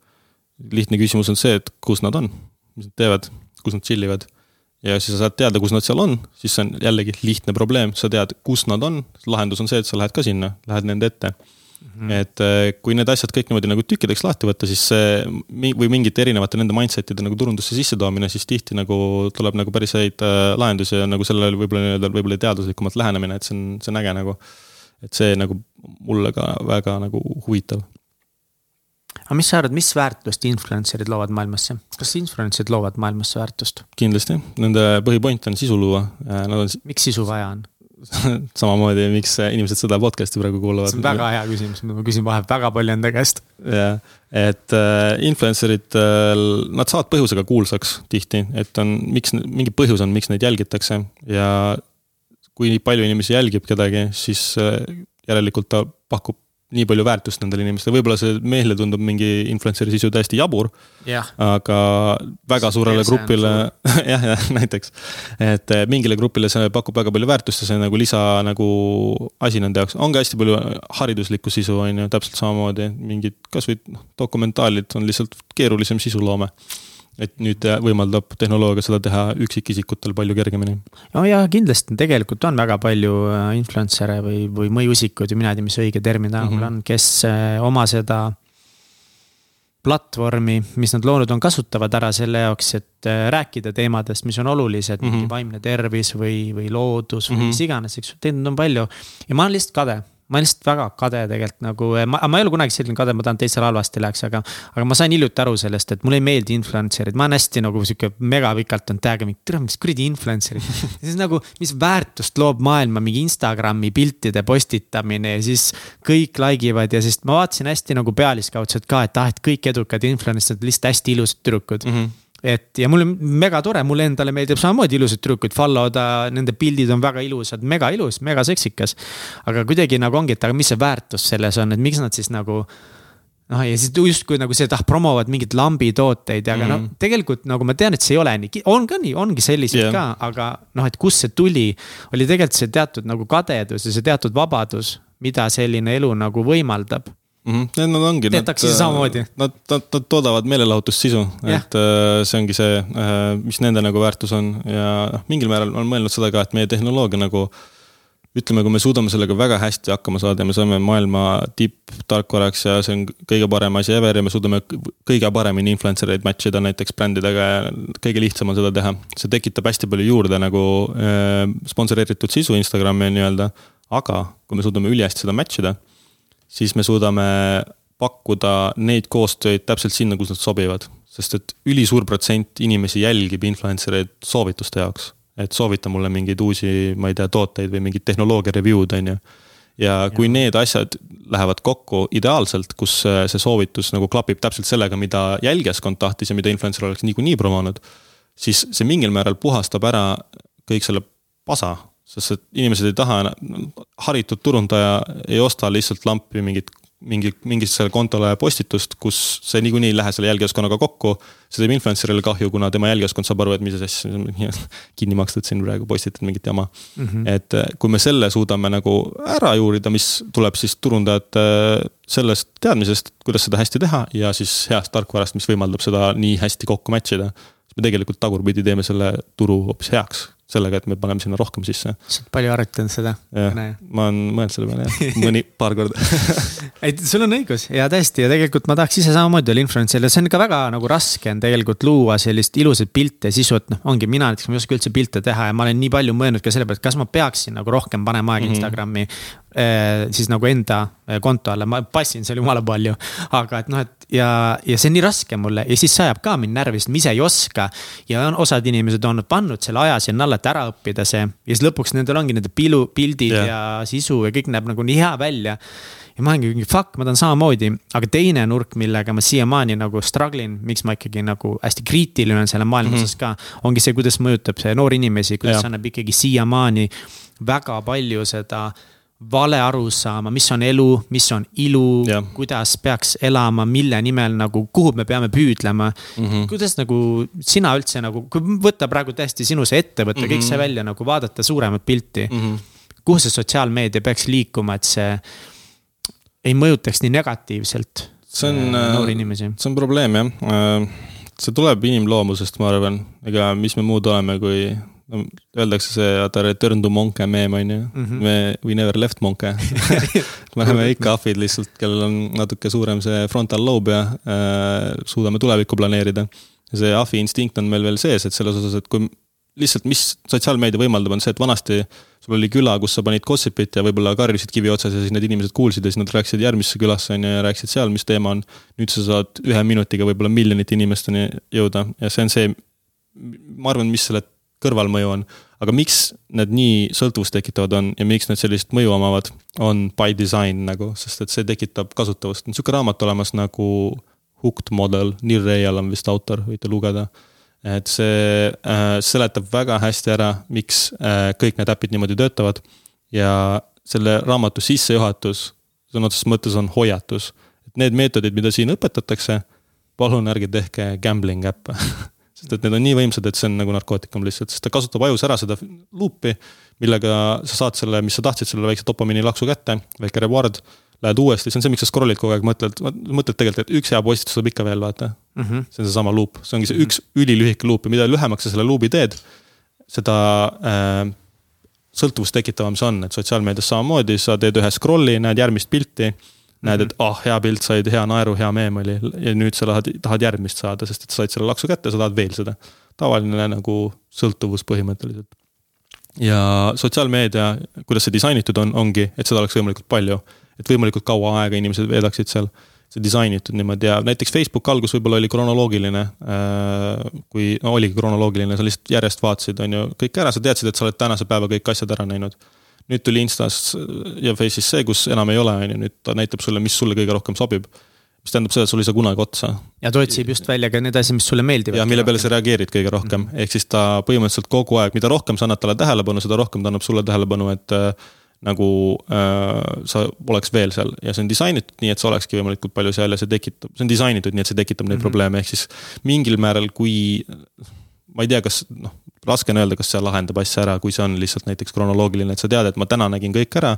ma rohkem nüüd ei vaata, ikka seal tuleb see content, mis tekitab neid probleeme ja sa võrdled ennast teistega ja nii edasi ma ei ole kindel, kas seda üldse on võimalik lahendada ja ma ei tea, kas see ka on lahendus, et näiteks sotsiaalmeedia üldse ära bännida. et ongi võib-olla ainult mingi grupi chat on max nagu, kus võid olla, et no mingi.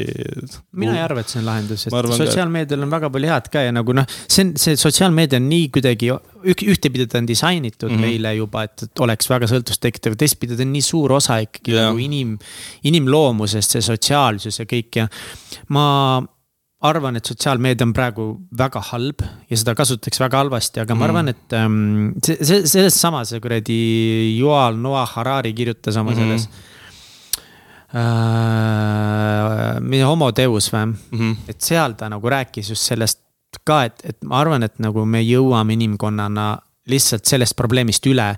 et see on lihtsalt üks mm -hmm. järjekordne väga suur probleem, millest me peame üle kasvama mm. -hmm et me, et me lihtsalt, sotsiaalmeedia on nii uus ja. ja me oleme nii nagu ongi, me oleme praegu nii hooked selles ja mm -hmm. me mhm. oleme täiesti nagu sõltlased kõik, aga. aga lõpuks ma usun, et me õpime seda kasutama ja, ja. me muutume targemaks ja.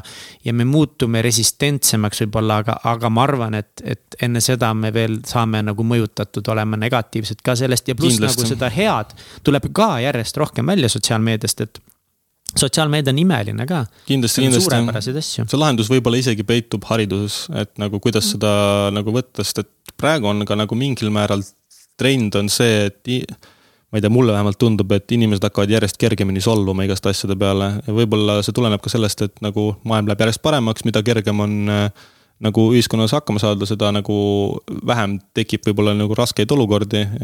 ja siis võib-olla sa ei olegi nii resistantne selle vastu, kui keegi midagi nagu halvasti ütleb või midagi mhm, sihukest mm. -hmm. ja samamoodi see võrdlusmoment on ju, et ma ise näiteks, kui ma kasutan sotsiaalmeediat, ma näen, kellelgi läheb ülihästi.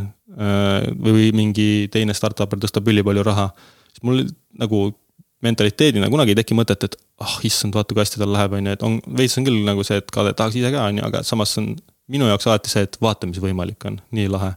et kunagi ei teki sihukest stressi, et ah, ma ei ole või ma ei saa või mis iganes. et mingil määral ma arvan, see on mindset'i küsimus ja ma arvan, see on õpetatav võib-olla, kui seda juba algusest peale nagu kasvõi reaalselt kooliprogrammi sisse kirjutada mingi asi, kuidas mingi rohkem psühholoogiat või kuidas inimestest aru saada ja kuidas nagu võib-olla mitte hoolida nii palju, mis teised teevad, aga rohkem endale keskenduda, siis see haridus, kui see mindset nagu sisse harjub siis võib-olla inimesed ka ei võrdle, ei satu nii palju masendusse ja võib-olla ei solvu nii kergelt nagu mingite asjade peale, mis seal tulevad, et siis äh, see võib ka olla nagu pikas perspektiivis lahendus, aga see kindlasti võtab palju aega ma olen täiesti nõus sinuga, ma täpselt arvan põhimõtteliselt sama asja, et haridussüsteem on nagu selle suur osa, et see on täpselt sama asi, et noh, me ei õpeta suh-, suhetest, inimestega suhtlemisega mm, -hmm. me ei õpeta koolis, me ei õpi rahaasjadest, me ei õpe- või me ei õpeta nagu noortele rahaasju, tänavad Eestis on ju. finantsvabaduse kommuun on nii mm -hmm. tugev, Jaak Roosaared, äh, Kristi Saared, kõik, kes tegelevad nii tugevalt sellega, et. et ongi mitte, et saada miljonäriks, vaid kuidas saada rahaga hakkama mm, -hmm. kuidas kontrollida oma elu, kuidas ja, nagu õppida sellega toime tulla ja täpselt samamoodi peaks sotsiaalmeediat ka õpetama, et kuidas sellega toime tulla ja just see psühholoogiline aspekt väga hea, et. õpetada just rohkem psühholoogiat noortele, et kuidas nagu ise saada aru mis mm -hmm. ajus toimub ja miks sa käitud niimoodi, siis kui sa tead, miks sa käitud niimoodi ja. ja kui sul ongi mõtteviis on ka selline, et oo, et ma saan kasutada seda enda hüvanguks. ma, ma pean rohkem ise oma sotsiaalmeediat kujundamaga, on ju, vaata, et, et sa peadki teadma, okei okay,, ma pean valima endale nagu inimesed, kes mind mõjutavad positiivselt, sest meil on ja. täna ka see trend, et me ikka pigem jälgime neid, kelle elu näeb hullult seksikas välja, on ju, me tahame seda, aga me võib-olla ei saa sealt tegelikult seda kõige paremat head feeling ut, et kui mm -hmm. sa ise oma sotsiaalmeediat, et korda, on ju, valid välja need tegelikult, kellest sa hoolid, need, kes sind tegelikult inspireerivad, kõik selle toksilise võtad välja. siis jällegi, et noh, see on, see kõik lihtsalt me peame õppima, jah. ja, ja seda annab kontrollida ja seda sõltuvust vähendab ka see, kui notification'id välja lülitada, näiteks ma ise olen põhimõtteliselt kõik välja võtnud, see on Sama. nii palju värskem olla kohe, ma tegin seda esmast korda, kui ma esmast korda puhkusele läksin ja siis ma olin nagu vau wow. et nagu jube vaikne, tahtsin nagu alguses kogu aeg võtta telefoni, et ja niikuinii on midagi nüüd nagu on ära läinud see siis tekibki see, et sul tekib kontroll selle üle, millal sa vaatad ja millal sa nagu teed. ma olen tähele pannud, ma, ma käin sotsiaalmeedias nagu pigem palju vähem, kui ma enne nagu käisin. enne ma nagu ikka scroll isin palju rohkem, tuleb mingi notification jälle, võtad lahti, vaatad selle asja ära, aga siis ikka tuleb sealt järjest asju ja siis on kuidagi järsku avastad, et ah kurat, jälle viis minti läinud. et kõik maha, siis oli kohe palju nagu palju, palju parem kui te istusite seal kontoris aknalaua peal ja lõite käed, et davai, nüüd mm -hmm. teeme promoti, läksite sööma, mõtlesite nime ka välja kohe. mis siis edasi sai, kuidas te alustasite seda? no siis me joonistasime mingi neli päeva ja, seal ja, valgel tahvlil on ju, ja siis hakkasime arendama ja arendasime mingi pool aastat. Äh, esimese nagu versiooni valmis mida me veel siis valesti tegime, mida me oleks, mida ma nüüd enam ei teeks valesti, jälle õppetund, on see, et ma ei teinud äh, user test'e, mis siis on sihuke asi, et sa näitad oma toodet klient, päris klientidele, otsid nad välja ja siis vaatad, näe, nii on. kas saad aru, nagu nii, et sa ei seleta talle, et mis siin on, aga ta ise saab aru, mis siin tegema peab ja mis teema on äh, aga me tahtsime ikkagi võimalikult kiirelt välja saada, et me saaks kohe seda live tagasisidet. ja me, kuna nagu ma mainisin, mulle growth hacking meeldis, siis me disainisime selle noh, influencer'ite äpi nagu hästi sihukeseks, et äh, see tooks teisi kasutajaid, et ma kohe räägin lähemalt sellest, et mis endast kujutab. aga me mõtlesime seda, et me tahame influencer'id enne saada ja siis meil on midagi turundajatele müüa, et me alustasime sellest poolest. ja siis äh, tegime niimoodi, et äpis on nagu üks asi ainult, mida sa saad teha põhimõtteliselt, kui sa alguses tõmbad selle, või noh, seal ei olnud äpp, see oli siis veebis et äh, saad oma konto ära teha ja siis sul on nagu kutsumise link, et sa võid oma sõpru ka kutsuda, et kui sa kutsud ja nad kunagi diile saavad, siis me anname oma vahendustasust nagu boonust või noh, referral fee nagu tavaliselt on nagu Uberis saad mingi viis euri või poolteist, kui sa sõbra kutsud. sama teema. Äh, ja siis äh, kampaaniaid veel ei olnud meil, eks me panime selle, et coming soon on ju. ja siis, kuna me mõtlesime seda ka, et kui me saame palju influencer eid juhul, kui peaks nii hästi minema, siis äh, võib-olla on see jama, et neid on liiga palju alguses. et siis me panime mingi järjekorrasüsteemi, et on nagu järjekord ja siis, kui sa kutsud kellegi, siis sa saad eelisjärjekorda, mis on mingi veel lahedam asi ja. see on nagu mingi Dropboxi oli mingi sarnane. ja, ja, ja just sealt mingi nendest asjadest yeah. inspireeritult me disainisime ka selle nii, et sul on kõik teed viivad nagu mitte Rooma, aga selleni, et sa kutsud kellegi. ja siis äh, me, ma, plaan oli see siis, et ma alguses kühveldasin manuaalselt äh, Instat läbi, et otsida infosid ja like isin, kommenteerisin, follow isin seal, vana hea ja point oli siis see, et mu insta profiil või noh, see promote'i insta profiil oli siis see, et seal oli alguses üheksapildine nagu grid, mis tekitab nagu ühe suure pildi kus oli see nagu meie mingi sõnum seal, et äh, join'i ja teeni nagu Instaga raha ja siis seal oli peos link, kuhu ma tahtsin siis, et see funnel nagu suunaks siis inimesed sinna lingile ja siis nad läheksid, teeksid konto endale. ja siis ülejäänud juhendub seal edasi. ja siis äh, see oli plaan. kaevandasin lõpuks kokku sada inimest newsletter'isse, kes join isid, et äh, nad ootavad, kuni launch tuleb. ja siis, kui lõpuks me otsustasime, et nüüd launch ime, mis oli siis kakskümmend kaheksa või kuus oktoober, oktoobri lõpus. siis äh, see oli reedene päev ja ma panin selle newsletter'i välja mingi kell viis õhtul reedel. ja siis läksin elukaaslasele tööle järgi, siis ma nägin, et mingi kaks inimest tegi vist konto ja siis ma sajast, siis ma mõtlesin, et ah okei okay,, here we go again nagu et äh, vist ei tule midagi, siis ma vaatasin Google, Google Analytics'is, et mingi seitse inimest on või üheksa inimest on äh, nagu lehel praegu, et äkki tuleb veel mõni. ja siis ma mõtlesin, et Assavi ma käin elukaaslasel tööl järgi ära nagu ja siis tulen tagasi. siis panin autos sinna telefoni nagu Google Analyticsiga ja siis hakkasin sõitma nagu äh, Tondilt siis Järvevanale, mingi kogu üle selle Järvevana äh, Ülemiste juurde ja selleks ajaks, kui ma Ülemiste juurde jõudsin, mis on mingi kaksteist minti, oli lehel juba üle saja inimese ja oli, alguses läks juba kahekohaliseks, ma olin, ma pole kahekohalist nagu praegu lehel asja näinud Google Analyticsis veel, et see on juba nagu mingi teema. et on üksteist või kaksteist, et sihukest asja polnud näinud. ja siis jõudsin kohale, läks kolmekohaliseks, oli üle saja, ma olin täiesti nagu what the fuck, mis toimub, vaata, ma kiirelt koju saama ja siis äh, jõudsin koju vaatasin lihtsalt kontosid tuleb järjest juurde lihtsalt hullult, siis vaatan, mis teema on, lähen Instasse, kõik repost ivad mingi seda teemat, et tehke konto, oma lingid, värgid, särgid läksid peosse kõigil, story, story'd vist olid juba siis. olid küll jah, story'd, story sid tuli igal pool, et uus äpp tuli, minge join'ige on ju, ja siis me panime nädalavahetusega üle kaheksa tuhande konto Eestis.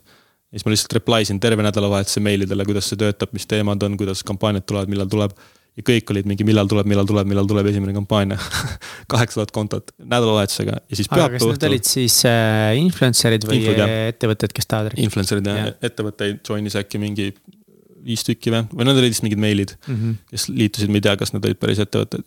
ja siis äh, äh, pühapäeva õhtul või kuskil. ma nagu ei vaadanud enam Face'i, hakkasin magama minema ja siis äh, ma hommikul vist nägin alles Marelle, meie praegune turundusjuht oli mulle saatnud, kuna ma enne launch olin tegelikult tema tagasisidet küsinud, me saime kokku ja ma rääkisin talle, mis me teeme. ja siis äh, keegi oli äh,, Kristel Leif shout out äh, mm, -hmm. oli postitanud, et äh, ta oli siis äh, Swedi sotsiaalmeediaturundus, et mis teema sellega on, et kõik postitavad, et tundub nagu mingi skämm või mingi püramiidskeem või asi. et mingid lingid ja värgid on ju, siis okay. ma olin mingi, seal oli mingi kolmkümmend kommentaari all ja siis ma olin mingi oh fuck, mis nüüd saab, vaata, et mul polnud ettevõtetega mitte midagi veel, mul oli terms and condition'is olid eelmise ettevõtte omad, mis me saime Cylonist, kus me tegime koostööd BA Systemsi ja mingi Raytheoniga, kellelt me saime, noh, need müüvad, müüvad tuumaallveelaevarakette, vaata, me saime neilt terms and condition'i template'i. ja siis äh, keegi oli kommenteerinud sinna juba, vaatasin, vaatasin kasutajatingimusi, et äh, mingid äh, Inglismaa raketimüüjatelt rotti pandud ja värki, et siin on mingi hull teema, et ettevõtted pole ja värki, siis ma panin lihtsalt mingi promote OÜ, vaata, ma ei tea yeah,, yeah. ma veel ei olnud, noh, mõtlesin, kui on, on vaja, et siis teen nagu, et kui hakkab mingi raha tulema ma hakkasin seal igal pool reply ima vastu selgitama, et ei ole, ei ole, vaata uus startup, värgid, särgid. ja siis kiiresti tegin ettevõtte ära, nime ei saanud võtta, kuna mingi teine oli suht sarnane sellele samas valdkonnas, siis me tegime promote'i marketing OÜ-s, vahetasime need seal kiirelt ära. selgitasin, kus me terms and condition'i saime, hullult teemad ja siis lõpuks seal nad rahunesid maha, et ah, mingi startup ja siis üks tüüp oli, et davai, ma saan kokku selle vennaga. Äh, ja siis äh, ta oli mobipunktis, äh, tegi turundust. siis me saimegi kokku Kristiine keskuses, siis ma näitasin talle nagu mis me teeme, värgid-särgid, ülipõnev, siis close isin nagu esimese kliendi ära läbi selle ja siis äh, läks tagasi, pani Facebooki üles, et sain kokku selle tüübiga, ongi päris asi, et me proovime ja siis äh, nemad. tema siis oli nagu ettevõte? jah, ta oli ettevõte mm -hmm. jah, ja siis Mobipunkt oligi meie esimene klient mm -hmm. ja siis meie esimese kuu käive oli vist, ma nüüd võib-olla eksin, aga kolmkümmend kaheksa senti äkki jah et see oli päris hea algus. et järgmine kuu oli juba kaks euri, nii et me tegime päris hea kordaja sealt. et siis oligi, Swedbank oli kohe mingi kolmas või neljas klient vist. et äh, ja, ja siis äh, Gerd Kristjan, kes on ka siin podcast'is käinud, temale näitasin ka. siis äh, ta tuli proovis ka Vitamin Welliga, oli ka üks esimesi kliente. ja siis tänu nendele me saime siis äh, turundajate poole vaikselt seal nagu käima, aga mitte nagu väga käima, et mul ikkagi oli nagu kampaaniaid oli tavaliselt ikka alla kümne nagu. mingi viis tükki oli võib-olla, kui ma kümne peale läks, siis oli jälle see tunne, et oh, kahekohaline et ikka norm hustle oli seda müüa ja otsida ja tegin seda tagasiside häkki. et äh, uus asi, vaata, kirjutan mingi agentuurile, et tahaks tagasisidet, saame kokku, näitad, siis tundub, et oh, tegelikult on lahe, võiks proovida siis niimoodi saab nagu uksi avada, et siis see launch'i moment oli juba sihuke segapudru, sihuke mingil määral fail, et meil polnud neid asju nagu ees, me olime nagu täiega šokis, me kiirelt lahendasime need ära ja siis pöörasime selle nagu võiduks, et saime hoopis kliendi sealt mm. -hmm. see oli nagu päris äge aga kas see turundajate tagasiside üldiselt oli positiivne, kas nad kuidagi nägid, et, et ongi, et kas te tulete, annate midagi juurde neile või tulete, võtate midagi ära neilt? ja, ja nad nägid seda väärtust, eriti need esimesed kliendid, sest nad juba tegelesid influencer itega mingil määral. ja nad nägid, et noh, siit saab kiiremini, et ei peagi ise otsima ja siin on nagu palju väärtust. ja need muidugi postituse hinnad, mis alguses olid, kui me alustasime, see oli ikka naljakas, et siis oli vist kümne tuhande jälgijaga influencer'id küsisid kümme euri, viis euri postituse eest, mis oli sellel hetkel ka turustandard umbes globaalselt. ja siis. nii äh, vähe. nii vähe jah, ja nüüd küsitakse juba mingi sada kuni nelisada euri ühe postituse eest, sama nagu kaliibriga influencer eid. umbes kümne tuhandega? jah, et äh, see on oluliselt muutunud, sest et lihtsalt nii palju on huvi tulnud sisse, et noh, nad saavad nii palju diile, et neil ei ole mõtet, viiega müüa, siis nad saavad nii palju diile mm -hmm. lihtsalt, nad peavad hinda tõstma mm. -hmm. ja siis, äh, siis jah, seal hustle isime, ma arvan, meil läks mingi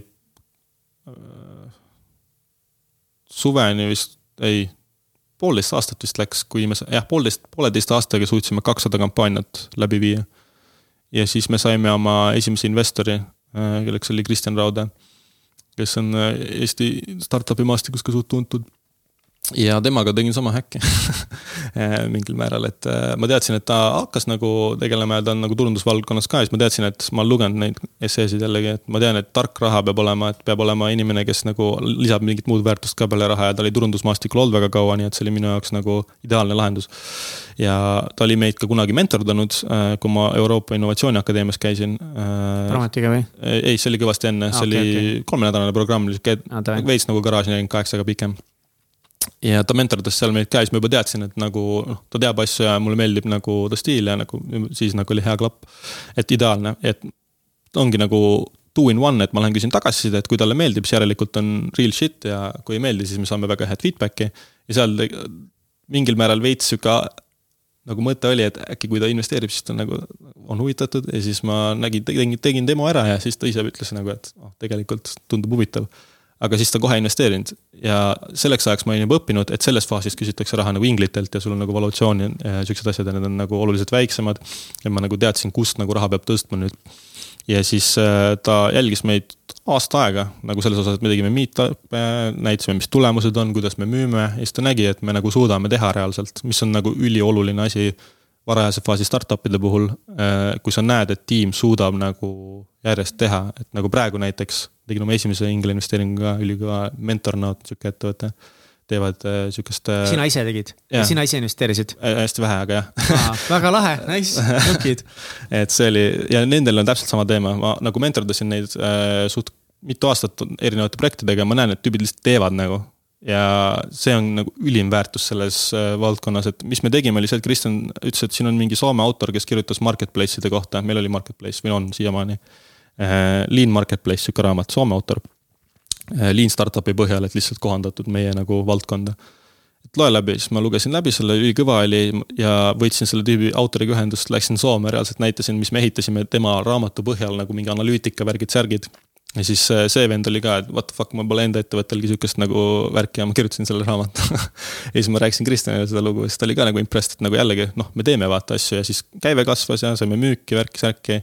meil oli nagu üks teooria, et kliendid tahavad toodetega tasuda näiteks ja see, kohe kui me ära tegime selle, siis meie käive vist mingi mitmekordistus, mis oli jälle ma ei näitas. saanud, mis mõttes Äh, ah,, et äh, Influencer itele toodetest tasumine ei olnud alguses võimalik, et äh, me tegime selle nagu aga kas see nagu influencer'ile sobib, see tundub mulle nagu veits nagu, no ühtepidi jah, kui mul on mingeid asju vaja väga, et siis on hea, kui ma Jaa. neid saan, aga teistpidi ma tahaks raha saada, ma ei taha mingit. see on väga hea point saada., jah äh,, mingi, no ei maksa üüri, Ei aga maksa., aga seal on jälle see häkk, et äh, mingil määral, kui sa oled influencer ja see bränd, kes tuleb su juurde ja pakub sulle seda mingit asja, mitte raha siis, see on üks asi, mille fänn sa väga oled mm. -hmm. see ongi see meie meil, meil on niisugune kontsept nagu superfännid. Ja need, talle väga meeldib seda, niikuinii kasutab seda, ta on ülirahul, kui ta saab selle nagu mm. -hmm. ja siis see on nagu perfektne koostöö mingil määral, sest ta jälgijad ka tegelikult saavad aru, et ta niikuinii kasutab neid või kannab neid Nike'i riideid näiteks ja nüüd, kui ta saab mingi asja juurde, siis on täiesti loogiline, et ta nagu postitab selle ja kõik on nagu üliperfektne, see ei häiri kedagi nagu. ja kõik võidavad. ja selles suhtes, kui ma saaks Razer, Razer asju, Razeri tooted endal, Razeri No uue, ma tahaks Razer uut hiirt, ma tahaks uusi Razeri kõrvaklappe, ma tahaksin Razeri matte ja ma pidin ostma SteelSeries'e mati, sest Razer ei ole seda ägedat, kus see LED on ümber, et ta Jaa, vahetub LED-i värv. Et kõik nagu ja ma saan pointist mega hästi aru, siis ma võtaks iga kell Razeri tooted umbes. kui No, nagu täpselt. keegi teine pakuks mulle või noh, ühesõnaga peab nagu alati vaatama, võrdlema statistiliselt, aga ma saan sellest pointist nagu aru, et tegelikult. kui see asi mulle väga meeldib, siis ma hea meelega teeks koostööd. just, just ja siis me olimegi, et noh, me teame, et turundajad tahavad seda, et see on hea ja nagu influencer itele ka meeldib eh, nendele, noh, kes siis leiavad oma jaoks sealt nagu hea toote, et see, meil ei pea midagi tegema, et see on sihuke süsteem, kus sa nagu kandideerid kampaaniatesse ja siis kas võetakse vastu või ei võeta, et sa ei pea nagu igas asjas osalema. See kõlab nagu äh, suht nagu smooth sailing, et äh, muudkui tegid asju, kas oli nagu väljakutseid ka sellel teel või midagi pekki ka läinud või? ja ikka, et eh, noh, selles suhtes väga raske alguses kliente leida, tihti võib seda juhtuda, et mingi, mingid influencer'id alguses olid, ma ei tea, mingi taustakontrolli ja midagi, mingites kampaaniates said tooted, on ju, selle tootekampaaniatega just. Panid leegid nendega, kustutasid kontod ära lihtsalt. tegelikult nii juhtus või Jah. mis sa tegid siis? ma saatsin mingeid SMS-e ja värki, ütlesin, ma võin, ma ei teadnud ka, mida teha, ma olin mingi, okei okay,, ma siis saadan mingi SMS-i, et ei, tegelikult see on kuritegu ja värki ja mingi üritasin seal hullult mingi kuidagi tagasi saada neid, no lõpuks me teeme ikkagi seda, et me tahame, et klientidel oleks hea, ehk siis kui neil midagi niisugust juhtub, siis me katame selle ise ära nagu. me, me ei pea seda tegema, aga me lihtsalt tahame nagu head teenust mm -hmm, pakkuda mm. -hmm. aga siis ma Eriti, räigelt kui sa alguses oled, sa pead hoidma kliente, just, on ju. just, just. siis ma hullult üritasin seda neid kätte saada, värki-särki, et mingi ongi panid leegid mine nendega ja siis õnneks noh, see lahenes sellega ära, et me nagu korvasime need, aga ikka oli nagu sihukest teemat, siis mingite kampaaniatega näiteks lambi asi, et lihtsalt ei räägi kõiki detaile läbi ja eh, siis äh, influencer näiteks postitab täiesti normaalse pildi mingi, ma ei tea, rannas mingi tootega. siis brändi guideline'ide järgi see on näiteks liiga paljastav. ja siis sellest tuleb hull draama, sest influencer, mis asja, vaata, ma tahan oma raha saada, on ju, ma ei saa midagi teha, on ju. ja see tihti juhtubki see, et meie vahelülina muutume mingiks äh, nagu meil tekib nagu mingi väike agentuuri roll korraks, mida me tegelikult ei taha, me oleme tehnoloogiaettevõte, me oleme nagu Telia, et me võimaldame kõnesid, me võimaldame, et te tulete omavahel kokku ja siis mõtlete välja, on ju aga hästi tihti juhtub seda, et kus me saame mõlemalt poolt sisse nagu või noh, algus juhtus nagu praegu enam väga mitte, kuna me oleme nagu paremaks teinud kõike seda süsteemi ja flow sid ja me teame, kuidas käituda mingites olukordades. aga siis ikka tuli vahel mingitest kohtadest nagu saime sisse, et see oli sihuke hästi nagu bumpy ride, pluss äh, mingi suur klient tuleb näiteks on ju, oli jalka ja mm, VM mingi suvi äh,, siis kui me alustasime ja siis olid mingid kliendid, kes tulid sellega nagu sisse, promosid seal mingeid värke ja siis nad kodusid ära, siis meie käive lihtsalt plaks mingi üheksakümmend protsenti kukkus. ja noh, kõik me bootstrap isime alguses, et me oma, oma rahadega ainult, et üritasime seal välja tulla. kuniks siis me saime jah selle investeeringu ja siis äh, me pidime jõudma nagu teatud tulemusteni, et siis nagu järgmist raha kaasata, mis oli ka räige higistamine ja me tegelikult päris sinna ei jõudnud, kus me tahtsime jõuda aga me siiski noh, suutsime tõestada, et me teeme nagu õiget asja ja siis, kui me lõpuks raha hakkasime kaasama, me kaasasime siis lõpuks Funderbeamist, siis ma ei arvanud, et see protsess nii kaua aega võtab, kõik materjalide ettevalmistamine ja sihuke asi. siis meil juhtus niimoodi, et meil reaalselt äh, sai raha vist otsa mingi kolm kuud enne, kui me raha kätte saime nagu esimese raundiga. ja siis äh, oligi lihtsalt, et noh, see oli ikka esimene kord, kui me endale palka saime maksta, reaalselt ma arvangi, kui me, mõtlen siis kaheksa aastat läks aega nagu ettevõtlusteekonnal, kui ma eestlast kordasin endale palka maksta. take that in nagu, miinimumi, mõelge selle peale, kaheksa aastat. aga noh, ongi, et this is what it takes nii-öelda aga noh, kui kaua, kui kaua promoti algusest, neli aastat praegu. Promoti algusest. Kuni said palka maksta? kaks kaks aastat, Kaks kaks aastat, aastat jah. jep, et äh, ja, ja siis kas oli. olite õpetaja siis äh, Ja. kõrvalt ikkagi? ja, ja, ja, ja Mhm., ja olin jah. ja ühe aasta olin veel siis, kui palka sain. siis pärast enam ei olnud, sest kuna ma tahtsin kohe ära lõpetada, aga mul oli see, et ma tahtsin uued õpetajad hästi välja koolitada ja üle anda, et nad seal saaks jätkata ilusti. Ehm, ja siis jah, meil ei olnud mingi kolm kuud nagu palkasid maksta põhimõtteliselt ja siis siis on see hea kõne vaata tiimile, et kuule, et eh, praegu ei saa. kuidas sa tegid seda? nagu räägi sellest emotsionaalsest äh, hetkest, sellest. see oli suht stressirohke, aga mingil määral see stress oli vähendatud selle osas, et me teadsime sada prossa, et me saame raha, et meil oli juba nagu kõik tehtud, aga lihtsalt noh, võttis lihtsalt ülipalju aega. aga palju sul töötajaid oli sel hetkel? seitse. Seitse inimest, kes äh, siis sõltusid Ja. sinu palgast? just, just ja, ja just ja siis Oh äh, God. seletasimegi neile, et, et praegu vist läheb kauem ikka, et kogu aeg iga kuu oli see, et nagu noh, me saame kohe nüüd selle kuu lõpus, selle kuu lõpus, aga siis oli ikka mingi lepingus mingi punkt, midagi oli vaja edasi-tagasi põrgatada. reaalselt raha oli nii otsas, et me pidime mingi noh, juristid, kellega me töötasime, nendele ka, et kuulge, et teeme, teeme nagu koondarve mingi mais või midagi. ja siis, ja siis veel juhtus see asi, et saime noh, selle Funderis töötab see niimoodi, et on alguses on indikatsioonid, kus sa ütled, et palju sa nagu paneks, on ju, ja siis lõpuks, kui see läheb kinni, siis sa äh, teed pakkumise neile ja siis, kui nad võtavad vastu, siis nagu äh, see on see, mis nad siis nii-öelda peavad maksma sinna sisse või investeerima. ja siis äh, meil juhtus niimoodi, et ülihästi läks edukas kampaania. Läksime äh, nagu panime kampaania laivi, läksime pannkooke sööma lõunal. Kaks tundi olime seal, mingi jaurasime, lihtsalt teadsime, et noh, täna on sihuke päev, ülistressirohke, lõpuks saime laivi, on ju, võtsime veits rahulikumalt. ja siis vaatasime neid, kuidas nad kerisid seal, sest reaalselt me saime huvi vist kahe tunniga pool milli, pidime kampaania mingi paari tunniga peale seda kinni panema nagu, et lihtsalt üle ei keriks nii hullult. miks äh, teie olite Funderbeamis nii edukad ja osad üldse ei ole? ma arvan, et mingil määral see tuleneb sellest, et me oleme tarkvaraettevõte Funderis on ka hästi palju mittetarkvaraettevõtteid, kellel on võib-olla raskem, sest tarkvara, riistvara ja füüsilised asjad skaleerivad raskemalt. tarkvara nagu meil tegelikult skaleerib väga hästi. seal on product market fit'i ja nagu siis unit economics'it, no see tähendab seda, et põhimõtteliselt, et palju sul näiteks kliendi saamine maksab ja palju ta kokku kulutab mm -hmm. ja nii edasi. et kui need paika saab tarkvaras, siis see skaleerib väga hullult kiirelt ja see on sihuke rakett. ja ma arvan, et selle raketi nagu võimalus on, on see, mis nagu tekitab seda huvi ka.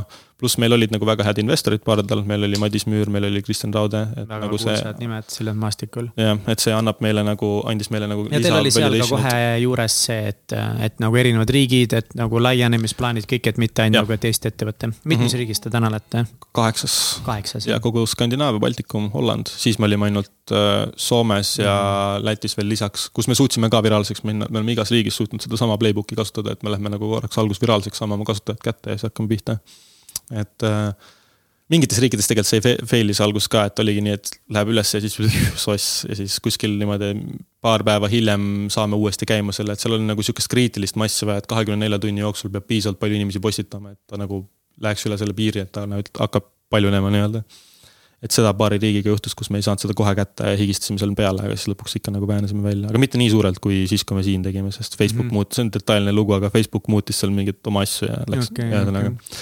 igastahes äh, ja siis esimene raha äh,, suurem nagu investeering, see oli siis neli äh,, okei okay,, tegelikult alguses me tahtsime viissada tuhat saada. ja siis me saatsime vist kuuesaja tuhande eest indikatsioone välja, üle läks, üle kaheksasaja tuhande huvi oli, aga me saatsime vähem, sest me ei tahtnud noh, nii palju ära anda. lõpuks, kui see väljasaatmisperiood oli, nädal hiljem tuli väike pandeemia aa, siis algas juba? jah, see oli koroona algus ja siis oli vuh, kus kukkus ära, meil ka kukkus vist sada kuuskümmend tuhat huvi nagu ära lihtsalt selle tõttu. ja siis oli see, et okei okay,, oot-oot, mis nüüd saab, vaata, et meil ei ole palku maksta ja nagu siin nüüd mingi see kukub ja siis kus, midagi ikka saab, aga nagu kas, kuidas siin nagu edasi lähevad asjad ja siis see nagu noh, räägidki tiimile, et kas on okei okay,, kui te veits ootate et õnneks meil oli see, et me noh, meil oli siiamaani ja oli nagu nii hea tiim, et nagu kõik said aru sellele ja kõigil, kõigil oli nagu enam-vähem võimalus ja need, kellel võib-olla vähem võimalusi oli, siis see viimased rahad, mis meil olid, me sõime koondada nagu nende poole. et nad saaks nagu hakkama. Mm. -hmm. ja, ja siis äh, lõpuks. mis on, ma korra segan sind jälle vahele, ma tahan sind juba siin kiita, sa nii ilusasti tuled alati oma lugude juurde tagasi, kui ma viin sind kuskile eemale, ma olen nii tänulik sulle, et sa teed seda head tööd minu eest täna. aga eh, mis on, mis on sinu nõuanne eh, siinkohal näiteks ettevõtjatele, kes ongi sarnase probleemi ees võib-olla, et nagu kuidas lahendada see olukord ära või, või tegelikult, mida ma saan küsida siin, ma sõnastan ümber mis on mingid vajalikud nagu sammud või, või asjad, mida teha, et tiimile sellist asja nagu rääkida, et, et selline olukord tiimi sees ära lahendada kuidagi edukalt? ma arvan, kõige olulisem asi on läbipaistvus, et nagu tiimile tuleb nagu teada anda, mis probleeme, mis challenge on ja kuidas nagu asjad päriselt on, et kui sa nagu peidad seda ja siis kuskil viimane hetk tuleb välja, et kuule, tegelikult pole. Siis nad ei jõua planeerida ka, et sellisel puhul me teadsime, et see props juhtub juba mingi kaks kuud ette äkki ja siis me ütlesime neile, et pange veits kõrvale rohkem ja nii edasi, et kui kellelgi on abi vaja, siis me saame midagi välja mõelda okay.. et me olime nagu valmis, me olime nagu Leoga hästi valmis nagu ise toetama ka, et kui kellelgi lähebki nagu struggle'isse, siis meie nagu kraabime kuskilt ja nagu sorteerime, et noh, me.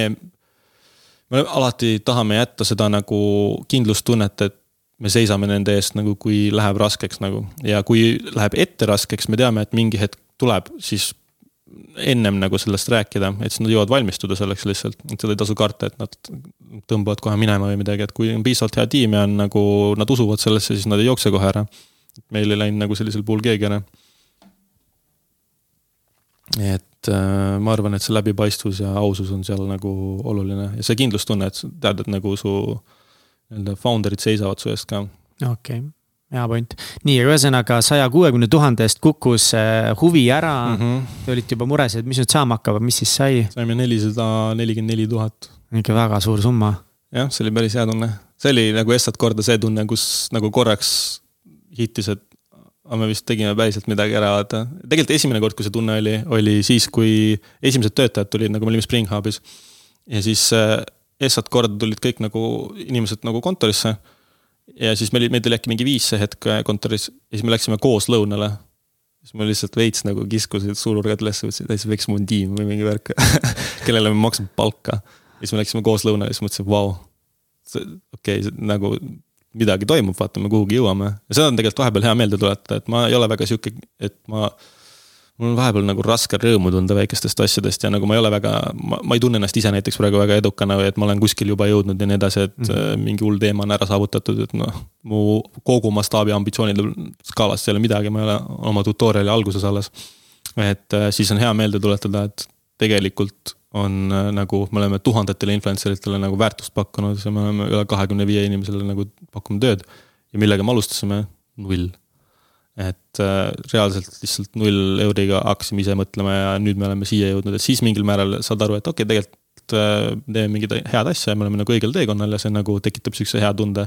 et oskad seda rohkem väärtustada nagu äh, või nagu rõõmu tunda sellest, see hetk oli ka, kus ma mäletan, kus ma tundsin rõõmu nii-öelda. siis teine kord oli siis, kui me raha kaasasime ja see on sihuke, et see üks adrenaliinilaks vaata, siis kui järgmine kord juba kaasasime, siis enam sedasama adrenaliinilaksu ei ole, et see on lihtsalt nagu business as usual, et. teed ära need asjad, värgid, särgid, raha kukub kontole ja lihtsalt töö jätkub nagu, et vahepeal nagu läheb meelest ära, et võiks tähistada või midagi mm. -hmm. et see oli koroona ka muidugi on ju, kõik mm -hmm. mingid event'id ja värgid on maha surutud, et äh, meil kontoris ka on nagu. tihti lihtsalt kontoris, siis kõigil on kõrvaklapid peas ja lihtsalt grind ivad aga on äge vaadata, et oma tiimi. ja ei, ma olen üliuhke meie tiimi üle, nagu see on, ma arvan, founder ite suurim ülesanne mingil määral selles faasis ka see hea tiim ehitada, sest ma arvan, et kui ma nagu praegu päevapealt lihtsalt ei teeks mitte midagi. siis nagu mitte midagi ei juhtuks, nagu see kaardimaja ei kuku kokku, kõik teavad, mis nad teevad, meil on nii head protsessid nagu selle osas.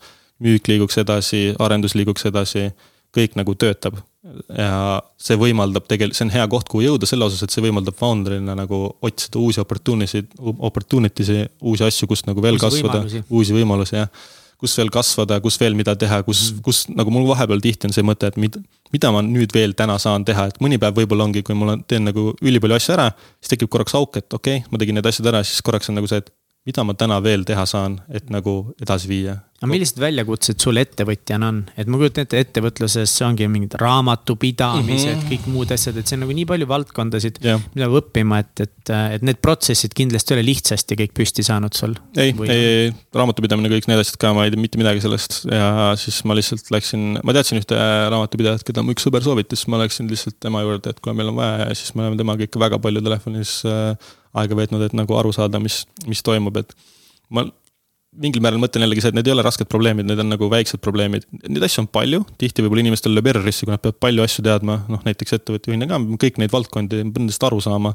sest mu töö on nagu kõigilt saada informatsiooni ja kõige värskema informatsiooni põhjal kõige õigemaid otsuseid teha ja nagu asja juhtida, et äh, see on äh, ma arvan, kõige olulisem, et need protsessid oleksid, protsesside loomine on, ma arvan, kõige suurem nagu sihuke, mitte nagu ta ei ole nagu challenge selles mõttes, et see oleks meile väljakutse praegu, aga ta on nagu challenge, millega peavad kõik founder'id tegelema.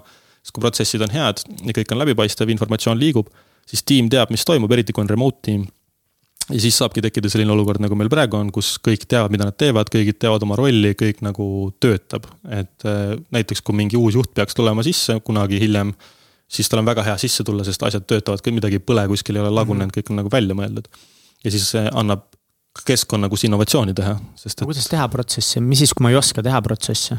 see on ka lihtne probleem tegelikult, see on, lihtsalt tuleb välja mõelda, et siin ongi, mingi probleem on, on ju, näiteks mis probleem on, kõik inimesed ei ole kursis asjadega, mis ettevõttes toimuvad, näiteks mingid asjad juhtuvad kuskil, keegi otsustab, midagi pannakse käiku ja siis järsku tuleb kuskilt üllatusena, et mingi uus teema on äh, toodud sisse või mingi uus protokoll, et me nüüd teeme turundust nii või müüki nii mm. -hmm. et see tekitab segadust äh,, ebaselgusi asju ja see on nagu ette läbi mõeldes arusaadav, et see on see probleem, mida me lahendame, me tahame, et kõik oleks läbipaistev ja ilus, siis me teemegi võib-olla näiteks mingi Trello, kus me paneme kõik ja kõik saavad sellele ligi, saavad sealt näha, mis ülesanded kellel kus on, kes mida teeb. mingi raporteerimine, seal on hästi palju siukseid trikke, aga põhipoint on see, et alati tuleb ära defineerida probleem, mida lahendatakse. hästi paljud inimesed hakkavad võib-olla kohe hüppavad kuskile sisse ja üritavad midagi lahendama hakata, aru saamatagi, mida nad lahendavad.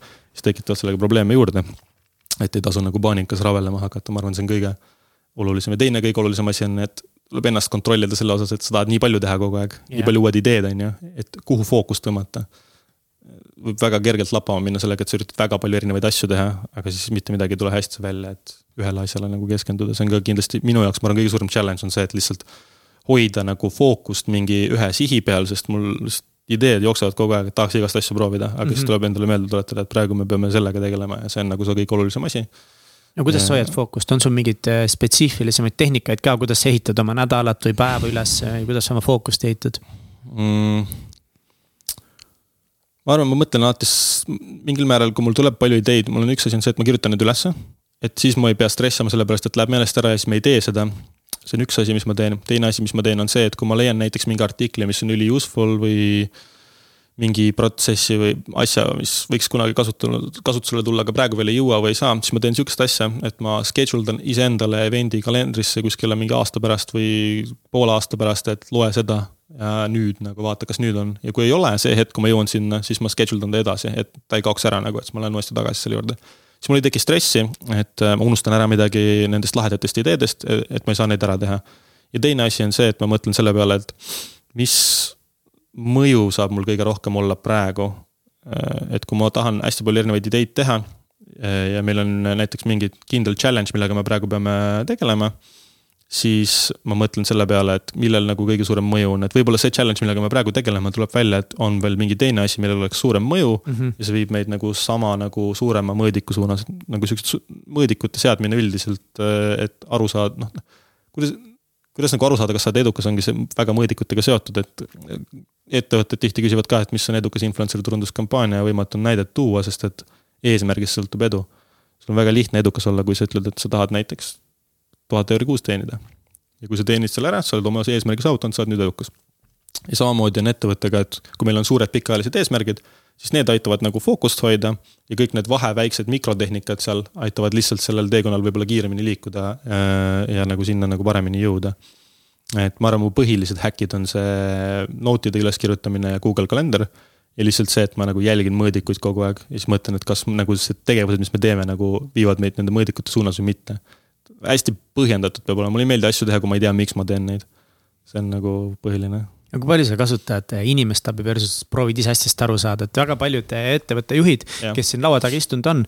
on eh, tihti öelnud seda, et noh, et, et üks edu võti ongi leida need endast targemad inimesed, kes ehitavad neid protsesse mm -hmm. või kes vastutavad mingi asja eest või kes ütlevad midagi teha, aga see tundub mulle natukese nagu sihuke mees, kes tahab ise proovida kõigest kõige paremini aru saada ähm,. mitte otseselt, mulle tegelikult, ma väga mulle väga meeldib see filosoofia, et palk, palka nagu head inimesed ja tule neile eest ära ja mulle ei meeldi nagu hullult nagu rabeleda ja nagu kõike ise välja mõelda mm. -hmm. see ilmselt ka lõpuks viib nagu läbipõlemiseni, kui ma kõike seda peaksin ise tegema. ehk siis ma lihtsalt tahan, et äh, mul oleks ümber targad inimesed, kellelt ma saan õppida ja ma kasutan väga palju nagu teiste inimeste abi, et ma ei ole sihuke, kes üritab kõike ise ära teha ja ise mõelda. nagu minu jaoks kõige olulisem asi ongi küsida endast targemalt inimestelt sisendit, kõik erinev sisend kokku koguda ja siis mõelda, et nagu mis me selle informatsiooniga nüüd peale hakkame, et mis otsus siit teha. et see on nagu ja ma arvan, muidu võib-olla võib jah, läbipõlemine tulla, kui üritada kõike nagu ise teha ja rabeleda. päris äge, kõva mees saad aru, et targemad inimesed on ka, see on, ähm, see on imeline, kui mõtlen ise ka nagu, kui tegelikult ju, kui palju on inimesed nõus aitama ka, nõu mhm. andma, et, et ka meie saate puhul, et nagu nii tänulik mõned inimestele, kes on lihtsalt ongi andnud nõu või aidanud kuidagi ühe või teise asjaga või see vabatahtlike tiim, et üksi on ikka väga raske midagi ära teha. kuidas ja. teil Leoga on siis, tema on tehniline juht ja, ja. sina oled tegevjuht ja, ja.?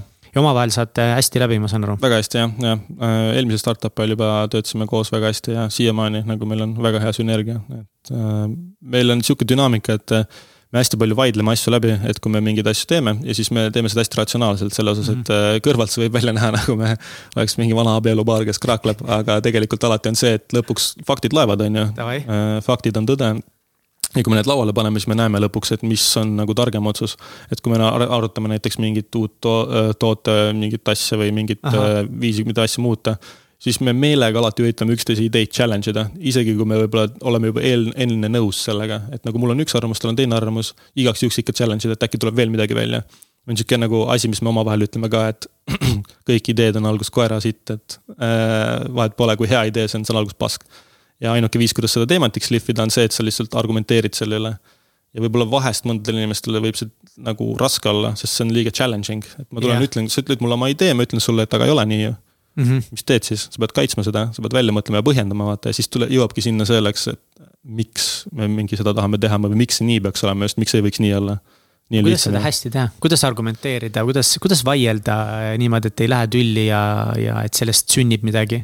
Kaks asja, ma arvan, emotsioonid tuleb välja lülitada ja isiklikuks ei tohi kunagi minna. et tuleb rünnata probleemi, mitte inimest mm. -hmm. meil ei ole kunagi sellega probleemi olnud. et me alati võtame seda hästi ratsionaalselt ja võib-olla me jauramegi kolm tundi ja lõpuks üks pool lihtsalt ütlebki, et jah, nii on, sul on õigus, et siin ongi nagu andmed näitavad seda, et peaks nii tegema. et emotsioonid tuleb lihtsalt eemaldada nagu sellest protsessist, ma arvan, et kui seal emotsionaalseks minna, siis see ei ole kunagi hea nagu. Äh, sest et tegemist on ikkagi ratsionaalsete otsuste ja asjadega, me arutame mingit toote funktsionaalsust, siis seal ei pea emotsiooni olema, et see oleks hea nagu mm -hmm.. võib-olla disainis sul on vaja, et see tekitaks emotsiooni, on ju, see on teine asi aga jah, ma arvan, et see on põhiline. mis väljakutseid inimeste juhtimine sulle toonud on, kas see tuleb ka midagi sulle kuidagi loomulikult või kergelt või? mul kuidagi on tulnud, sest et kui ma ülikooli läksin, siis ma meelega tahtsin nagu seda õppida, sest ma teadsin, mis mu nagu teekond on. ja siis ma lugesin hästi palju juhtimisraamatuid, psühholoogia asju ja ma olen alati üritanud nagu ähm, võimalikult nagu palju aru saada teistest, mul on sihuke filosoofia ka, jälle üks et äh, ma kutsun seda ekstreemseks empaatiaks. mis on nagu tihti inimesed ei tea, mis on empaatia ja sümpaatia vahe on. empaatia on see, kui sa nagu saad inimesest aru, on ju. Sümpaatia on see, et sa tunned talle nagu kaasa ka ja nagu sa oled nagu noh ähm,. ole, nagu sa saad sellest nagu tundest rohkem võib-olla aru või noh, kaasatundmine, okei okay.. aga point on siis see, et võimalikult palju saada kõikidest inimestest aru, ükskõik kui sõge mõni võib olla ja seda harjutada, kuidas ma mõtlesin, kuidas ma seda harjutada saan, on see, et võtan kõige sõgedamad inimesed, kes ma kuskilt leian, kas meediast või kust iganes, mingi, ma ei tea, poliitik paneb hullu või mingi, ma ei tea, kasvõi mingi Hitler või kes iganes. siis mõtlen, et ta ju mingitel põhjustel tegi seda, mis ta tegi, on ju. et tahaks tema nagu pea sisse saada, et kuidas ta nagu jõudis nende otsusteni ja tegudeni ja mis ta tegi, kuidas ta lõpuks jõudis sinna, et kas tal on noh, kui tal on mingi vaimne haigus on ju, kuidas see mõjutab, on ju, tema võib-olla mingit äh, otsustusasju ja et nagu sada prossa aru saada igast inimesest. ükskõik kui hull või veider või mitte mu maailmavaatega ta on, et täiesti aru saada.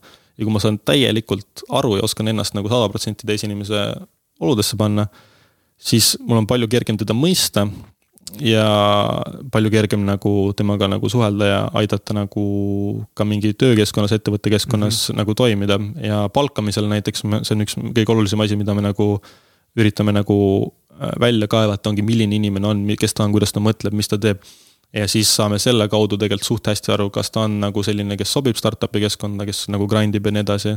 ja meil on nagu kõige pikem intervjuude sessioon oli vist kuus intervjuud meil kui me uut müügijuhti palkasime, et äh, me tahame, et see nagu mentaliteet ja kõik oleks olemas. siis ei teki tegelikult pärast probleeme, et me nagu, see on nagu mingil määral see, et treeningus raske ja siis lahingus on lihtne, et me nagu palkamisse paneme hästi palju energiat, et me saaks nagu head inimesed. sada protsenti muidugi kellestki on võimatu aru saada. seda küll, aga nagu iga asja, mingite asjadega on see, et sa tahad nagu see liimes läheneb, vaata. et sa tahad jõuda sinna maksimumini, et võimalikult mm -hmm. palju aru saada. aga mm -hmm. ongi, seal on see aspekt, mis inimesed võib-olla vahest errorisse lööb, on see, et kui sul on mingi hull vend, kellega sa üldse nagu ei nõustu või ta on täiesti sõge ja ta on su maailmavaadete vastane ja sa vihkad teda. siis sa ei suuda temast aru saada. sest et sul tekib see sümpaatia pool seal, on ju, sa vihkad teda, sulle ei meeldi, sa ei tunne talle kaasa, ta on halb inimene nii-öelda kui sa nagu harjutad mingit ekstreemset näidet, aga sa pead selle suutma sealt ära võtta, et isegi kui sa vihkad teda, sa saad tast ikka aru, miks ta selline on, kuidas ta nagu käitub.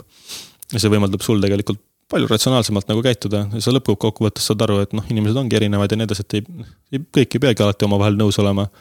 aga kui sa saad neist aru, siis sul on palju kergem nii-öelda nendega ka tegeleda ja nende muresid mõista ja vaadata, mis oludes nad on, sest võib-olla mõndadel inimestel on mingi mure, mis tundub võib-olla minu jaoks lamp täiesti mõttetu mure, nagu mingi väike probleem, mingi jama, aga tema jaoks on see ülisuur probleem siis, kui sa saad sellest nagu selles kontekstis aru, siis sa oskad teda nagu selle nurga alt toetada, et, et tal nagu oma keskkonnas, tingimustes ja nagu selles, mis ta teab ja oskab ja milline ta on, saaks nagu kasvada ja sealt nagu edasi areneda, et ka tiimis samamoodi võib-olla kellelgi on mingi challenge mingisuguse asjaga, mis minu jaoks võib-olla tundub, et see ei ole ju challenge, pseudoprobleem. aga tema jaoks on, siis ma saangi mõelda selle peale, et okei okay,, see on probleem, kuidas me siit saame nagu nii, et äh, sa saaksid nagu näiteks areneda või noh, näiteks ütleme, keegi kardab helistada või midagi sihukest, et siis võib-olla me saame midagi muud teha seal või mingeid äh, trikke õppida, kuidas sellest nagu üle saada ja nii edasi. et sa ütled lihtsalt, ah, savi ju, lamp, helista lihtsalt. Nagu, või sa tahad näiteks kellegi teise panna mingi teise ja, positsiooni, on ju, aga ta ei taha seal positsioonis olla, aga sa ütled, ei, ma olen juht, mul on pohhu ja ma ütlen, nüüd sa oled siin positsioonis, tee neid asju praktikas, kui me nagu ratsionaalselt sellele läheneme, mis, mis tegelikult juhtub. ta ei taha seal olla, ta läheb sinna, ta on ebaproduktiivne ja nagu kõik kaotavad mm. -hmm. et äh, need on need asjad, mis, mida on nagu võimalik ette näha, kui nagu piisavalt hästi inimesi nagu tunda. et äh, ma arvan, et selle tõttu, et me hästi hoolikalt oleme tiimi valinud ja palganud äh, ja grillinud neid seal.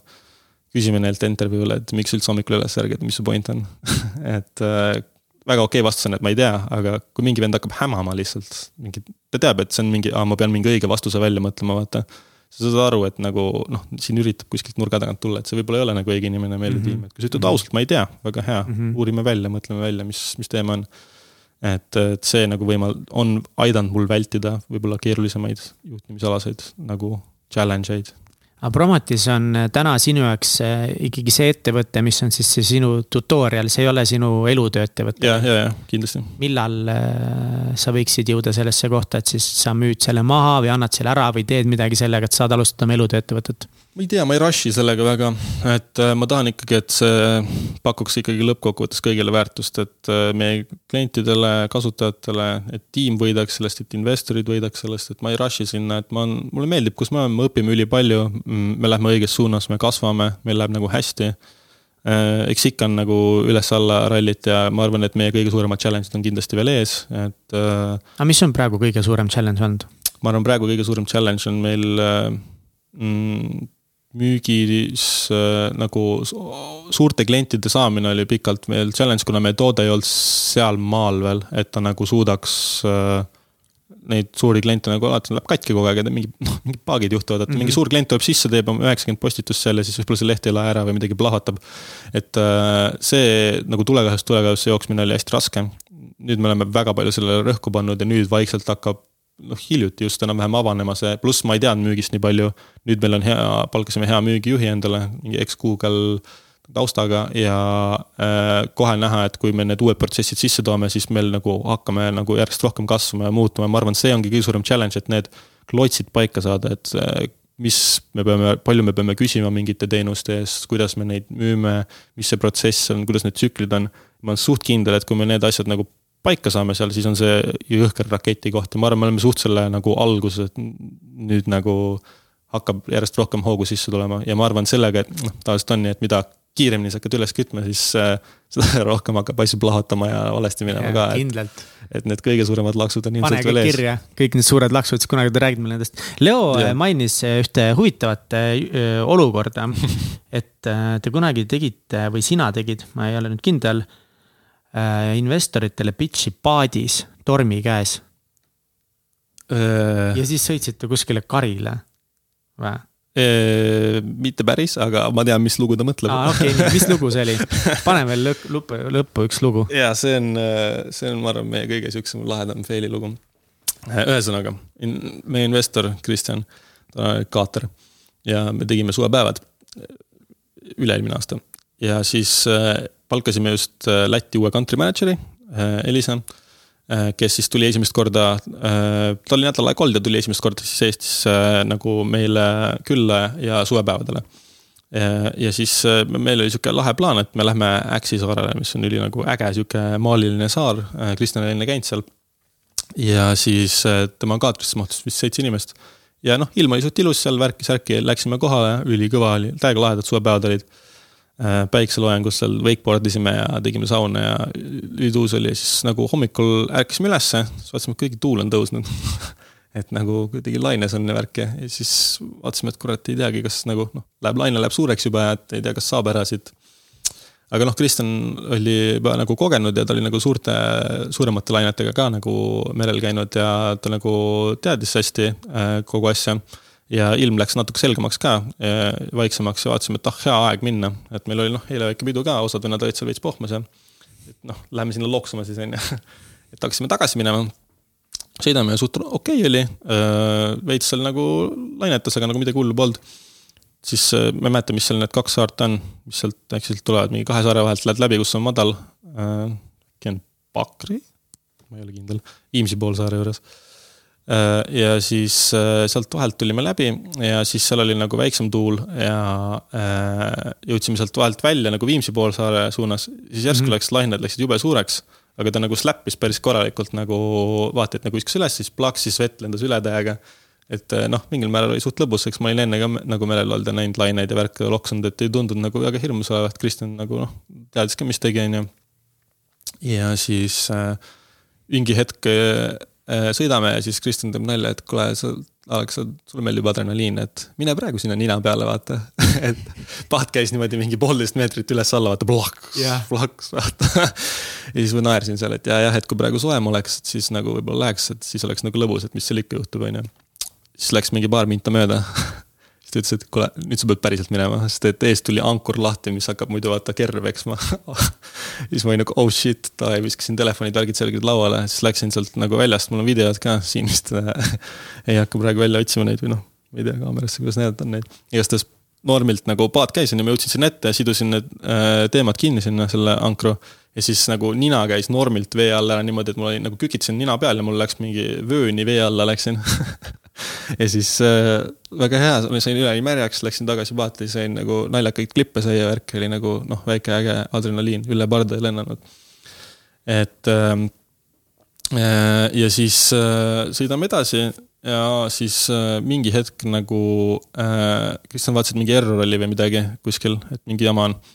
ja siis äh, ta läks nagu taha vaatama, vaatas, et oh fuck, et äh, mingi teema on, siis läks tagasi, siis ta oli kuidagi nagu natukene pinges või midagi, siis ma ei saanud aru täpselt, mis teema on. siis ta ütles Annile järsku, et oh, helista kohe sinna päästesse, et me vajume vist. siis tõmbas üheksakümmend kraadi kalda poole lihtsalt kaaspõhja täiesti. ja siis, mis oli vist see, mis kerest, täpselt ei tea neid äh, tehnilisi asju, aga see, mis kerest vett välja pumpab, kui nagu noh, vett sisse lendab yeah., siis see asi oli vist läbi lennanud, nagu okay. põles läbi. Muidu on kõik okei okay,, noh, no suuremate lainetega käinud, on ju, pole midagi kunagi olnud, aga lihtsalt tehnilise tõrke tõttu nagu juhtus sihuke. see pumpab enam vett välja, nüüd hakkab vesi sisse kogunema ja. ja, ja siis äh, äh, oli vaja kiirelt seal tegutseda, oli nagu sihuke veits wow, what the fuck on ju, päästevestid kohe kuskilt ja siis on see lahe hetk Elisa, meie Läti country manager ei oska ujuda ei, me kõik karjume seal eesti keeles, tal mingi veits, mis, toimub, vaata. ja siis sain selle päästevesti luugi lahti, viskasin sealt kaenlaugust kohe sinna päästevestid sisse. ja Elisal esimesena kohe selga laks. ja siis oli vaja hakata manuaalselt kerest vett välja pumpama, et seal on mingi värk, kus lükkad mingi pulga sisse ja siis väntad lihtsalt. ja siis eh, ma ei tea, kaua me sinna kaldasse sõitsime, mingi pool tundi äkki või kakskümmend minta. sihuke normilt lihtsalt terve aeg elu eest väntasin lihtsalt vett välja, et ei läheks, vaat noh, mootor läheb liiga alla, siis tõmbab vee sisse, siis tõmbab kokku ja läheb põhja. siis paneme täiega kalda poole, lihtsalt täiega pumpame välja sealt seda. ja siis, kui me kaldale läheme, seal on kivid, on ju, siis keegi läks sinna ette, noh, kui sa neljakümnega sinna kivisse paned, siis nagu see, see ei ole väga lahe. et et siis keegi, ma ei, ma ei näinud, kes, sest ma pumpasin nagu räigelt vett välja lihtsalt elu eest, nagu käsi on nii tuim lihtsalt, aga veel kiiremini, Kristjan kõrv, kiiremini, kiiremini pumpame vett välja ja siis jõuame lõpuks kallasse, mingi ime läbi ei pannud ühelegi kivile otsa. hull torm tuli peale, rämedalt sadas nagu ja siis äh, kuhu me randusime? Tiit Vähile aeda põhimõtteliselt Viimsisse ja Tiit Vähi ise tuli ka nagu randa, vaatas, mis jama on ja siis mul ongi pilt, kus Tiit Vähi paneb meie arendaja sõidiga äh, lihtsalt paati ankrusse maja ees seal siis ta kutsus meid sauna nagu, pani nagu sisse nagu soojendama, andis meile yeah. teed ja värk, sest me olime täiesti läbimärjad nagu yeah aga enne, kui see kõik juhtus, siis me veel pumpasime seda paati tühjaks sealt lihtsalt, et noh, saaks pärast nagu õhtul ära viia selle. ja siis tuli kogu see reageerimine, sellest hädaabikõnest tuli. kopter, kolm, kiirabi, mingi mere pealt tuli kaatriga merement veel kohale, siis tulid mingi teised politseid, hakkasid dokumente küsima, värgid-särgid, mis teema on, kõik oli nagu noh, safe, kõigil, kõik, keegi haiget ei saanud ega midagi aga see reageering oli nii kõva, et üks kiirabi vist sõitis Pirita Selveri juurest mingi bemmile külje pealt sisse, nii et tõmbas välja alt ära veel, pärast oli uudistes veel, siis oli mingis Viimsi grupis, et mingi paat on siin, mis teema on. nagu kuskil uudistes oli veel ka, et mingi merehädalised päästeti ära või midagi, aga noh, tegelikult me päästsime iseennast ära. Okay, okay, okay. hull teema ja siis lõpuks olimegi Tiit Vähil seal saunas lihtsalt, meil on pilt ka, kus me oleme seal alukates märjalt lihtsalt. Et õnneks aitas meid välja, et äh, ülikülm oli, nagu muidu oleks seal päris nagu niiske olnud ära olla, et, et ilus, see oli nagu väga hea joppamine, et ta et ta oli seal. Aga nagu noh, mis, mõtle, mis kogemus see on, kui sa oled Läti, no see empaatia värk on ju, kui sa oled see Läti country manager, kes tuli ei oska ujuda, läksid paadiga peaaegu põhja, said peaaegu surma. Ja siis olid Eesti endise peaministri saunas lõpuks. Sealt lähed Bolliga tagasi. Ja siis äh,, siis sellest tekkis, sellest tekkis meil väike traditsioon ka, et nüüd äh, suvepäevadel talvepäevadel. tormiga sõitma? me tahamegi teha mingeid dramaatilisi asju. Ah.. et äh, ja, ja ma, mis ma olen avastanud üllataval kombel, on see, et need äh, dramaatilised asjad toovad tiimi nagu palju rohkem kokku, sest kui sa koos koged midagi nagu ekstreemset läbi siis see nagu on see asi, millest kõik kogu aeg räägivad ja saavad nagu, see on see ühine joon, mis hoiab nagu hästi koos, tekitab tugeva bondi. et näiteks üks asi, mis me veel tegime, oli talvematk, äh, millest ma ei rääkinud mitte kellelegi ette, et mis juhtub, lihtsalt oli see, et me läheme metsa, võtke asjad kaasa, kiirbriifing on siin, et mis asjad peab kaasa võtma ma panin sinna meelega mingeid trollasju sisse, et mingi ülisuur prügikott, et kui on vaja nagu vett ületada või karuspray ja mingid siuksed. natuke hirmutasid. ja, ja meelega, et ma nagu täiega rääkisin, et oi, te ei kujuta ette, vaata ja siis mm -hmm. mu mhm. sõbrad, kes teadsid pardik, olid ka kogu aeg, et huh, te ei kujuta ette ka, mis siin juhtuma hakkab, vaata. ja siis lõpuks oligi see, et äh, nad ei teadnud, kuhu me lähme, kui kaua me lähme ja seal on see never ending, vaata. ja et sa ei tea, millal see lõpeb ja siis äh, see oli tegelikult kolmekümne gildine matk äh, selle kõige hullema jäävihmaga, mis see aasta oli ehm, pimedas talvel metsas. ja siis äh, tegime vist viisteist kilti ära ja siis oli see, et väga hea, me oleme jõudnud esimese osa lõppu. Ja siis oli, mida? ja siis nad terve aeg arvasid, et ma trollin, vaata, et ei, see ei ole esimene osa, vaata, et see ongi lõpp, vaata, siis ma ütlesin, ei ole. nagu ma ei öelnud, palju veel on, aga me ikka veel lähme, vaata. ja siis nad küsisid, mis kell me kohale jõuame, on ju, siis oli ka, et me alustasime mingi neli äkki või midagi, siis ma tegin nalja selle, et aa ei noh, kui me hea tempoga lähme, siis me selle päeva sees jõuame kohale. siis nad on terve aeg ka mingi, ei ole, vaata, mis asja, mingi selle päeva sees. siis ma terve aeg trollisin seda ka, et me peame öösel metsas magama, et me peame lõpus laagri ka ehitama veel, et esimeses nagu sihtpunktis me ehitame laagri ja värki selle jää sisse peksame sinna endale mingid augud ja siis magame seal. ja siis äh, väntasime seal äh, lõpuni, siis lõpuks ongi viimastel äh, kilomeetritel kõigil oli, ma tegin sihukest asja nagu, ütlesin, et mis vibe check on, vaata nullist kümneni, et kui happy oled praegu, siis läks väga järsult kuskilt seitsme-kuue pealt kuni sinna ühe peale kõigil, et millal see lõpp tuleb, vaata. siis teed seda ka, et me teame, et äh, me pidime ühe auto ette ravima, sest üks inimene teadis, et me peame kuskilt vasakule pöörama, siis oli hästi palju vasakpöördeid ja siis iga vasakpöördega oli see, et kas see on nüüd see ja siis lõpuks me jõudsime kohale, leidsime oma auto ülesse ja siis oli see, et davai, et äh, hakkame siis äh, seda äh, laagrit ehitama siin auto juures, et paneme plaani paika, et hakkame siin oksi koguma ja teeme mingit värki ja siis kõik olid lihtsalt mingi. täiesti mingi pisarates juba, et mis toimub, vaata. ja siis ma olin mingi, nad hakkasid juba vist vetsu minema nagu metsa alla ja siis ma olin nagu, et aa ei, tegelikult meil on siin kahesaja meetri pärast on saunaga soe maja, RMK maja. aga lõpuks kõik olid siis happy, et tegelikult see oli tore ja. ja, ja selles suhtes see hetk äh, seal nad olid ka, et ei ole, riigikindlad, mida sa ajad paska, vaata ära aja mingit fake lootust, et mm -hmm. meil on maja ja siis ma ütlesin, ei päriselt on, vaata ja siis järsku hakkas vibe üles minema, siis me jõudsime kohale ja siis oligi nagu kõigil oli nagu. see terve hetk oli nagu fuck this shit, vaata, miks me tulime siia. ja siis kohe, kui kohale jõudsid kohe on lihtsalt see, et okei okay,, see oli ülikõva nagu, et sihuke achievement tunne tuleb sisse, et nagu ja, nii ja. lahe lihtsalt, kohe vibe läheb üliülesse ja see nagu toob inimesed kokku, kui sa teed sihukese väikse asja läbi, noh, see oli kõik kontrollitud, ma teadsin täpselt, ma olin mhm. välja mõelnud, ma olen enne teinud neid asju, mul oli kõik var, lisavarustus kaasas, et see oleks safe. aga ma ei rääkinud neile seda ja nad arvasid, et järgmine päev veel juhtub mingeid asju, on ju, et oh, see on alles esimene checkpoint, aga tegelikult meelega tegin nii, et järgmine päev ongi lihtsalt taastumispäev. et ongi nagu, ei ole overkill ja siis aga... see on veel lisa vibe boost ja siis, kui sa tuled sealt välja nagu sellest ülimast raskusest ja mõtled, et ah oh, see oli kõva, mis me tegime. sama, miks inimesed teevad mingi maratoni asju. suurepärane team building väga,, väga-väga lahe. et selline hea story oli kas on veel midagi, mida sa tahad jätta siia saate lõppu endast maha, mingi mõte okay.? ma arvan, et äh, kõige olulisem on see, et suht savi on nagu selle osas, et kui tundub, mingi asi tundub hirmus, siis tegelikult on savi. nagu pole päris probleemi, kui surma ei saa, siis on savi. Go for it nagu, mis saab valesti minna worst case stsenaariumis õpid midagi. et eh, ei tasu väga palju asju tõsiselt, nii tõsiselt võtta, et sa lased sellel oma elu üle võtta. ja teine aspekt võib-olla ongi see, et kui sul tunned, et sul ei ole mingit suurt eluvisiooni või mõtet, siis ülim mõttetus on ülim vabadus. I love it, aitäh sulle täiega, high five.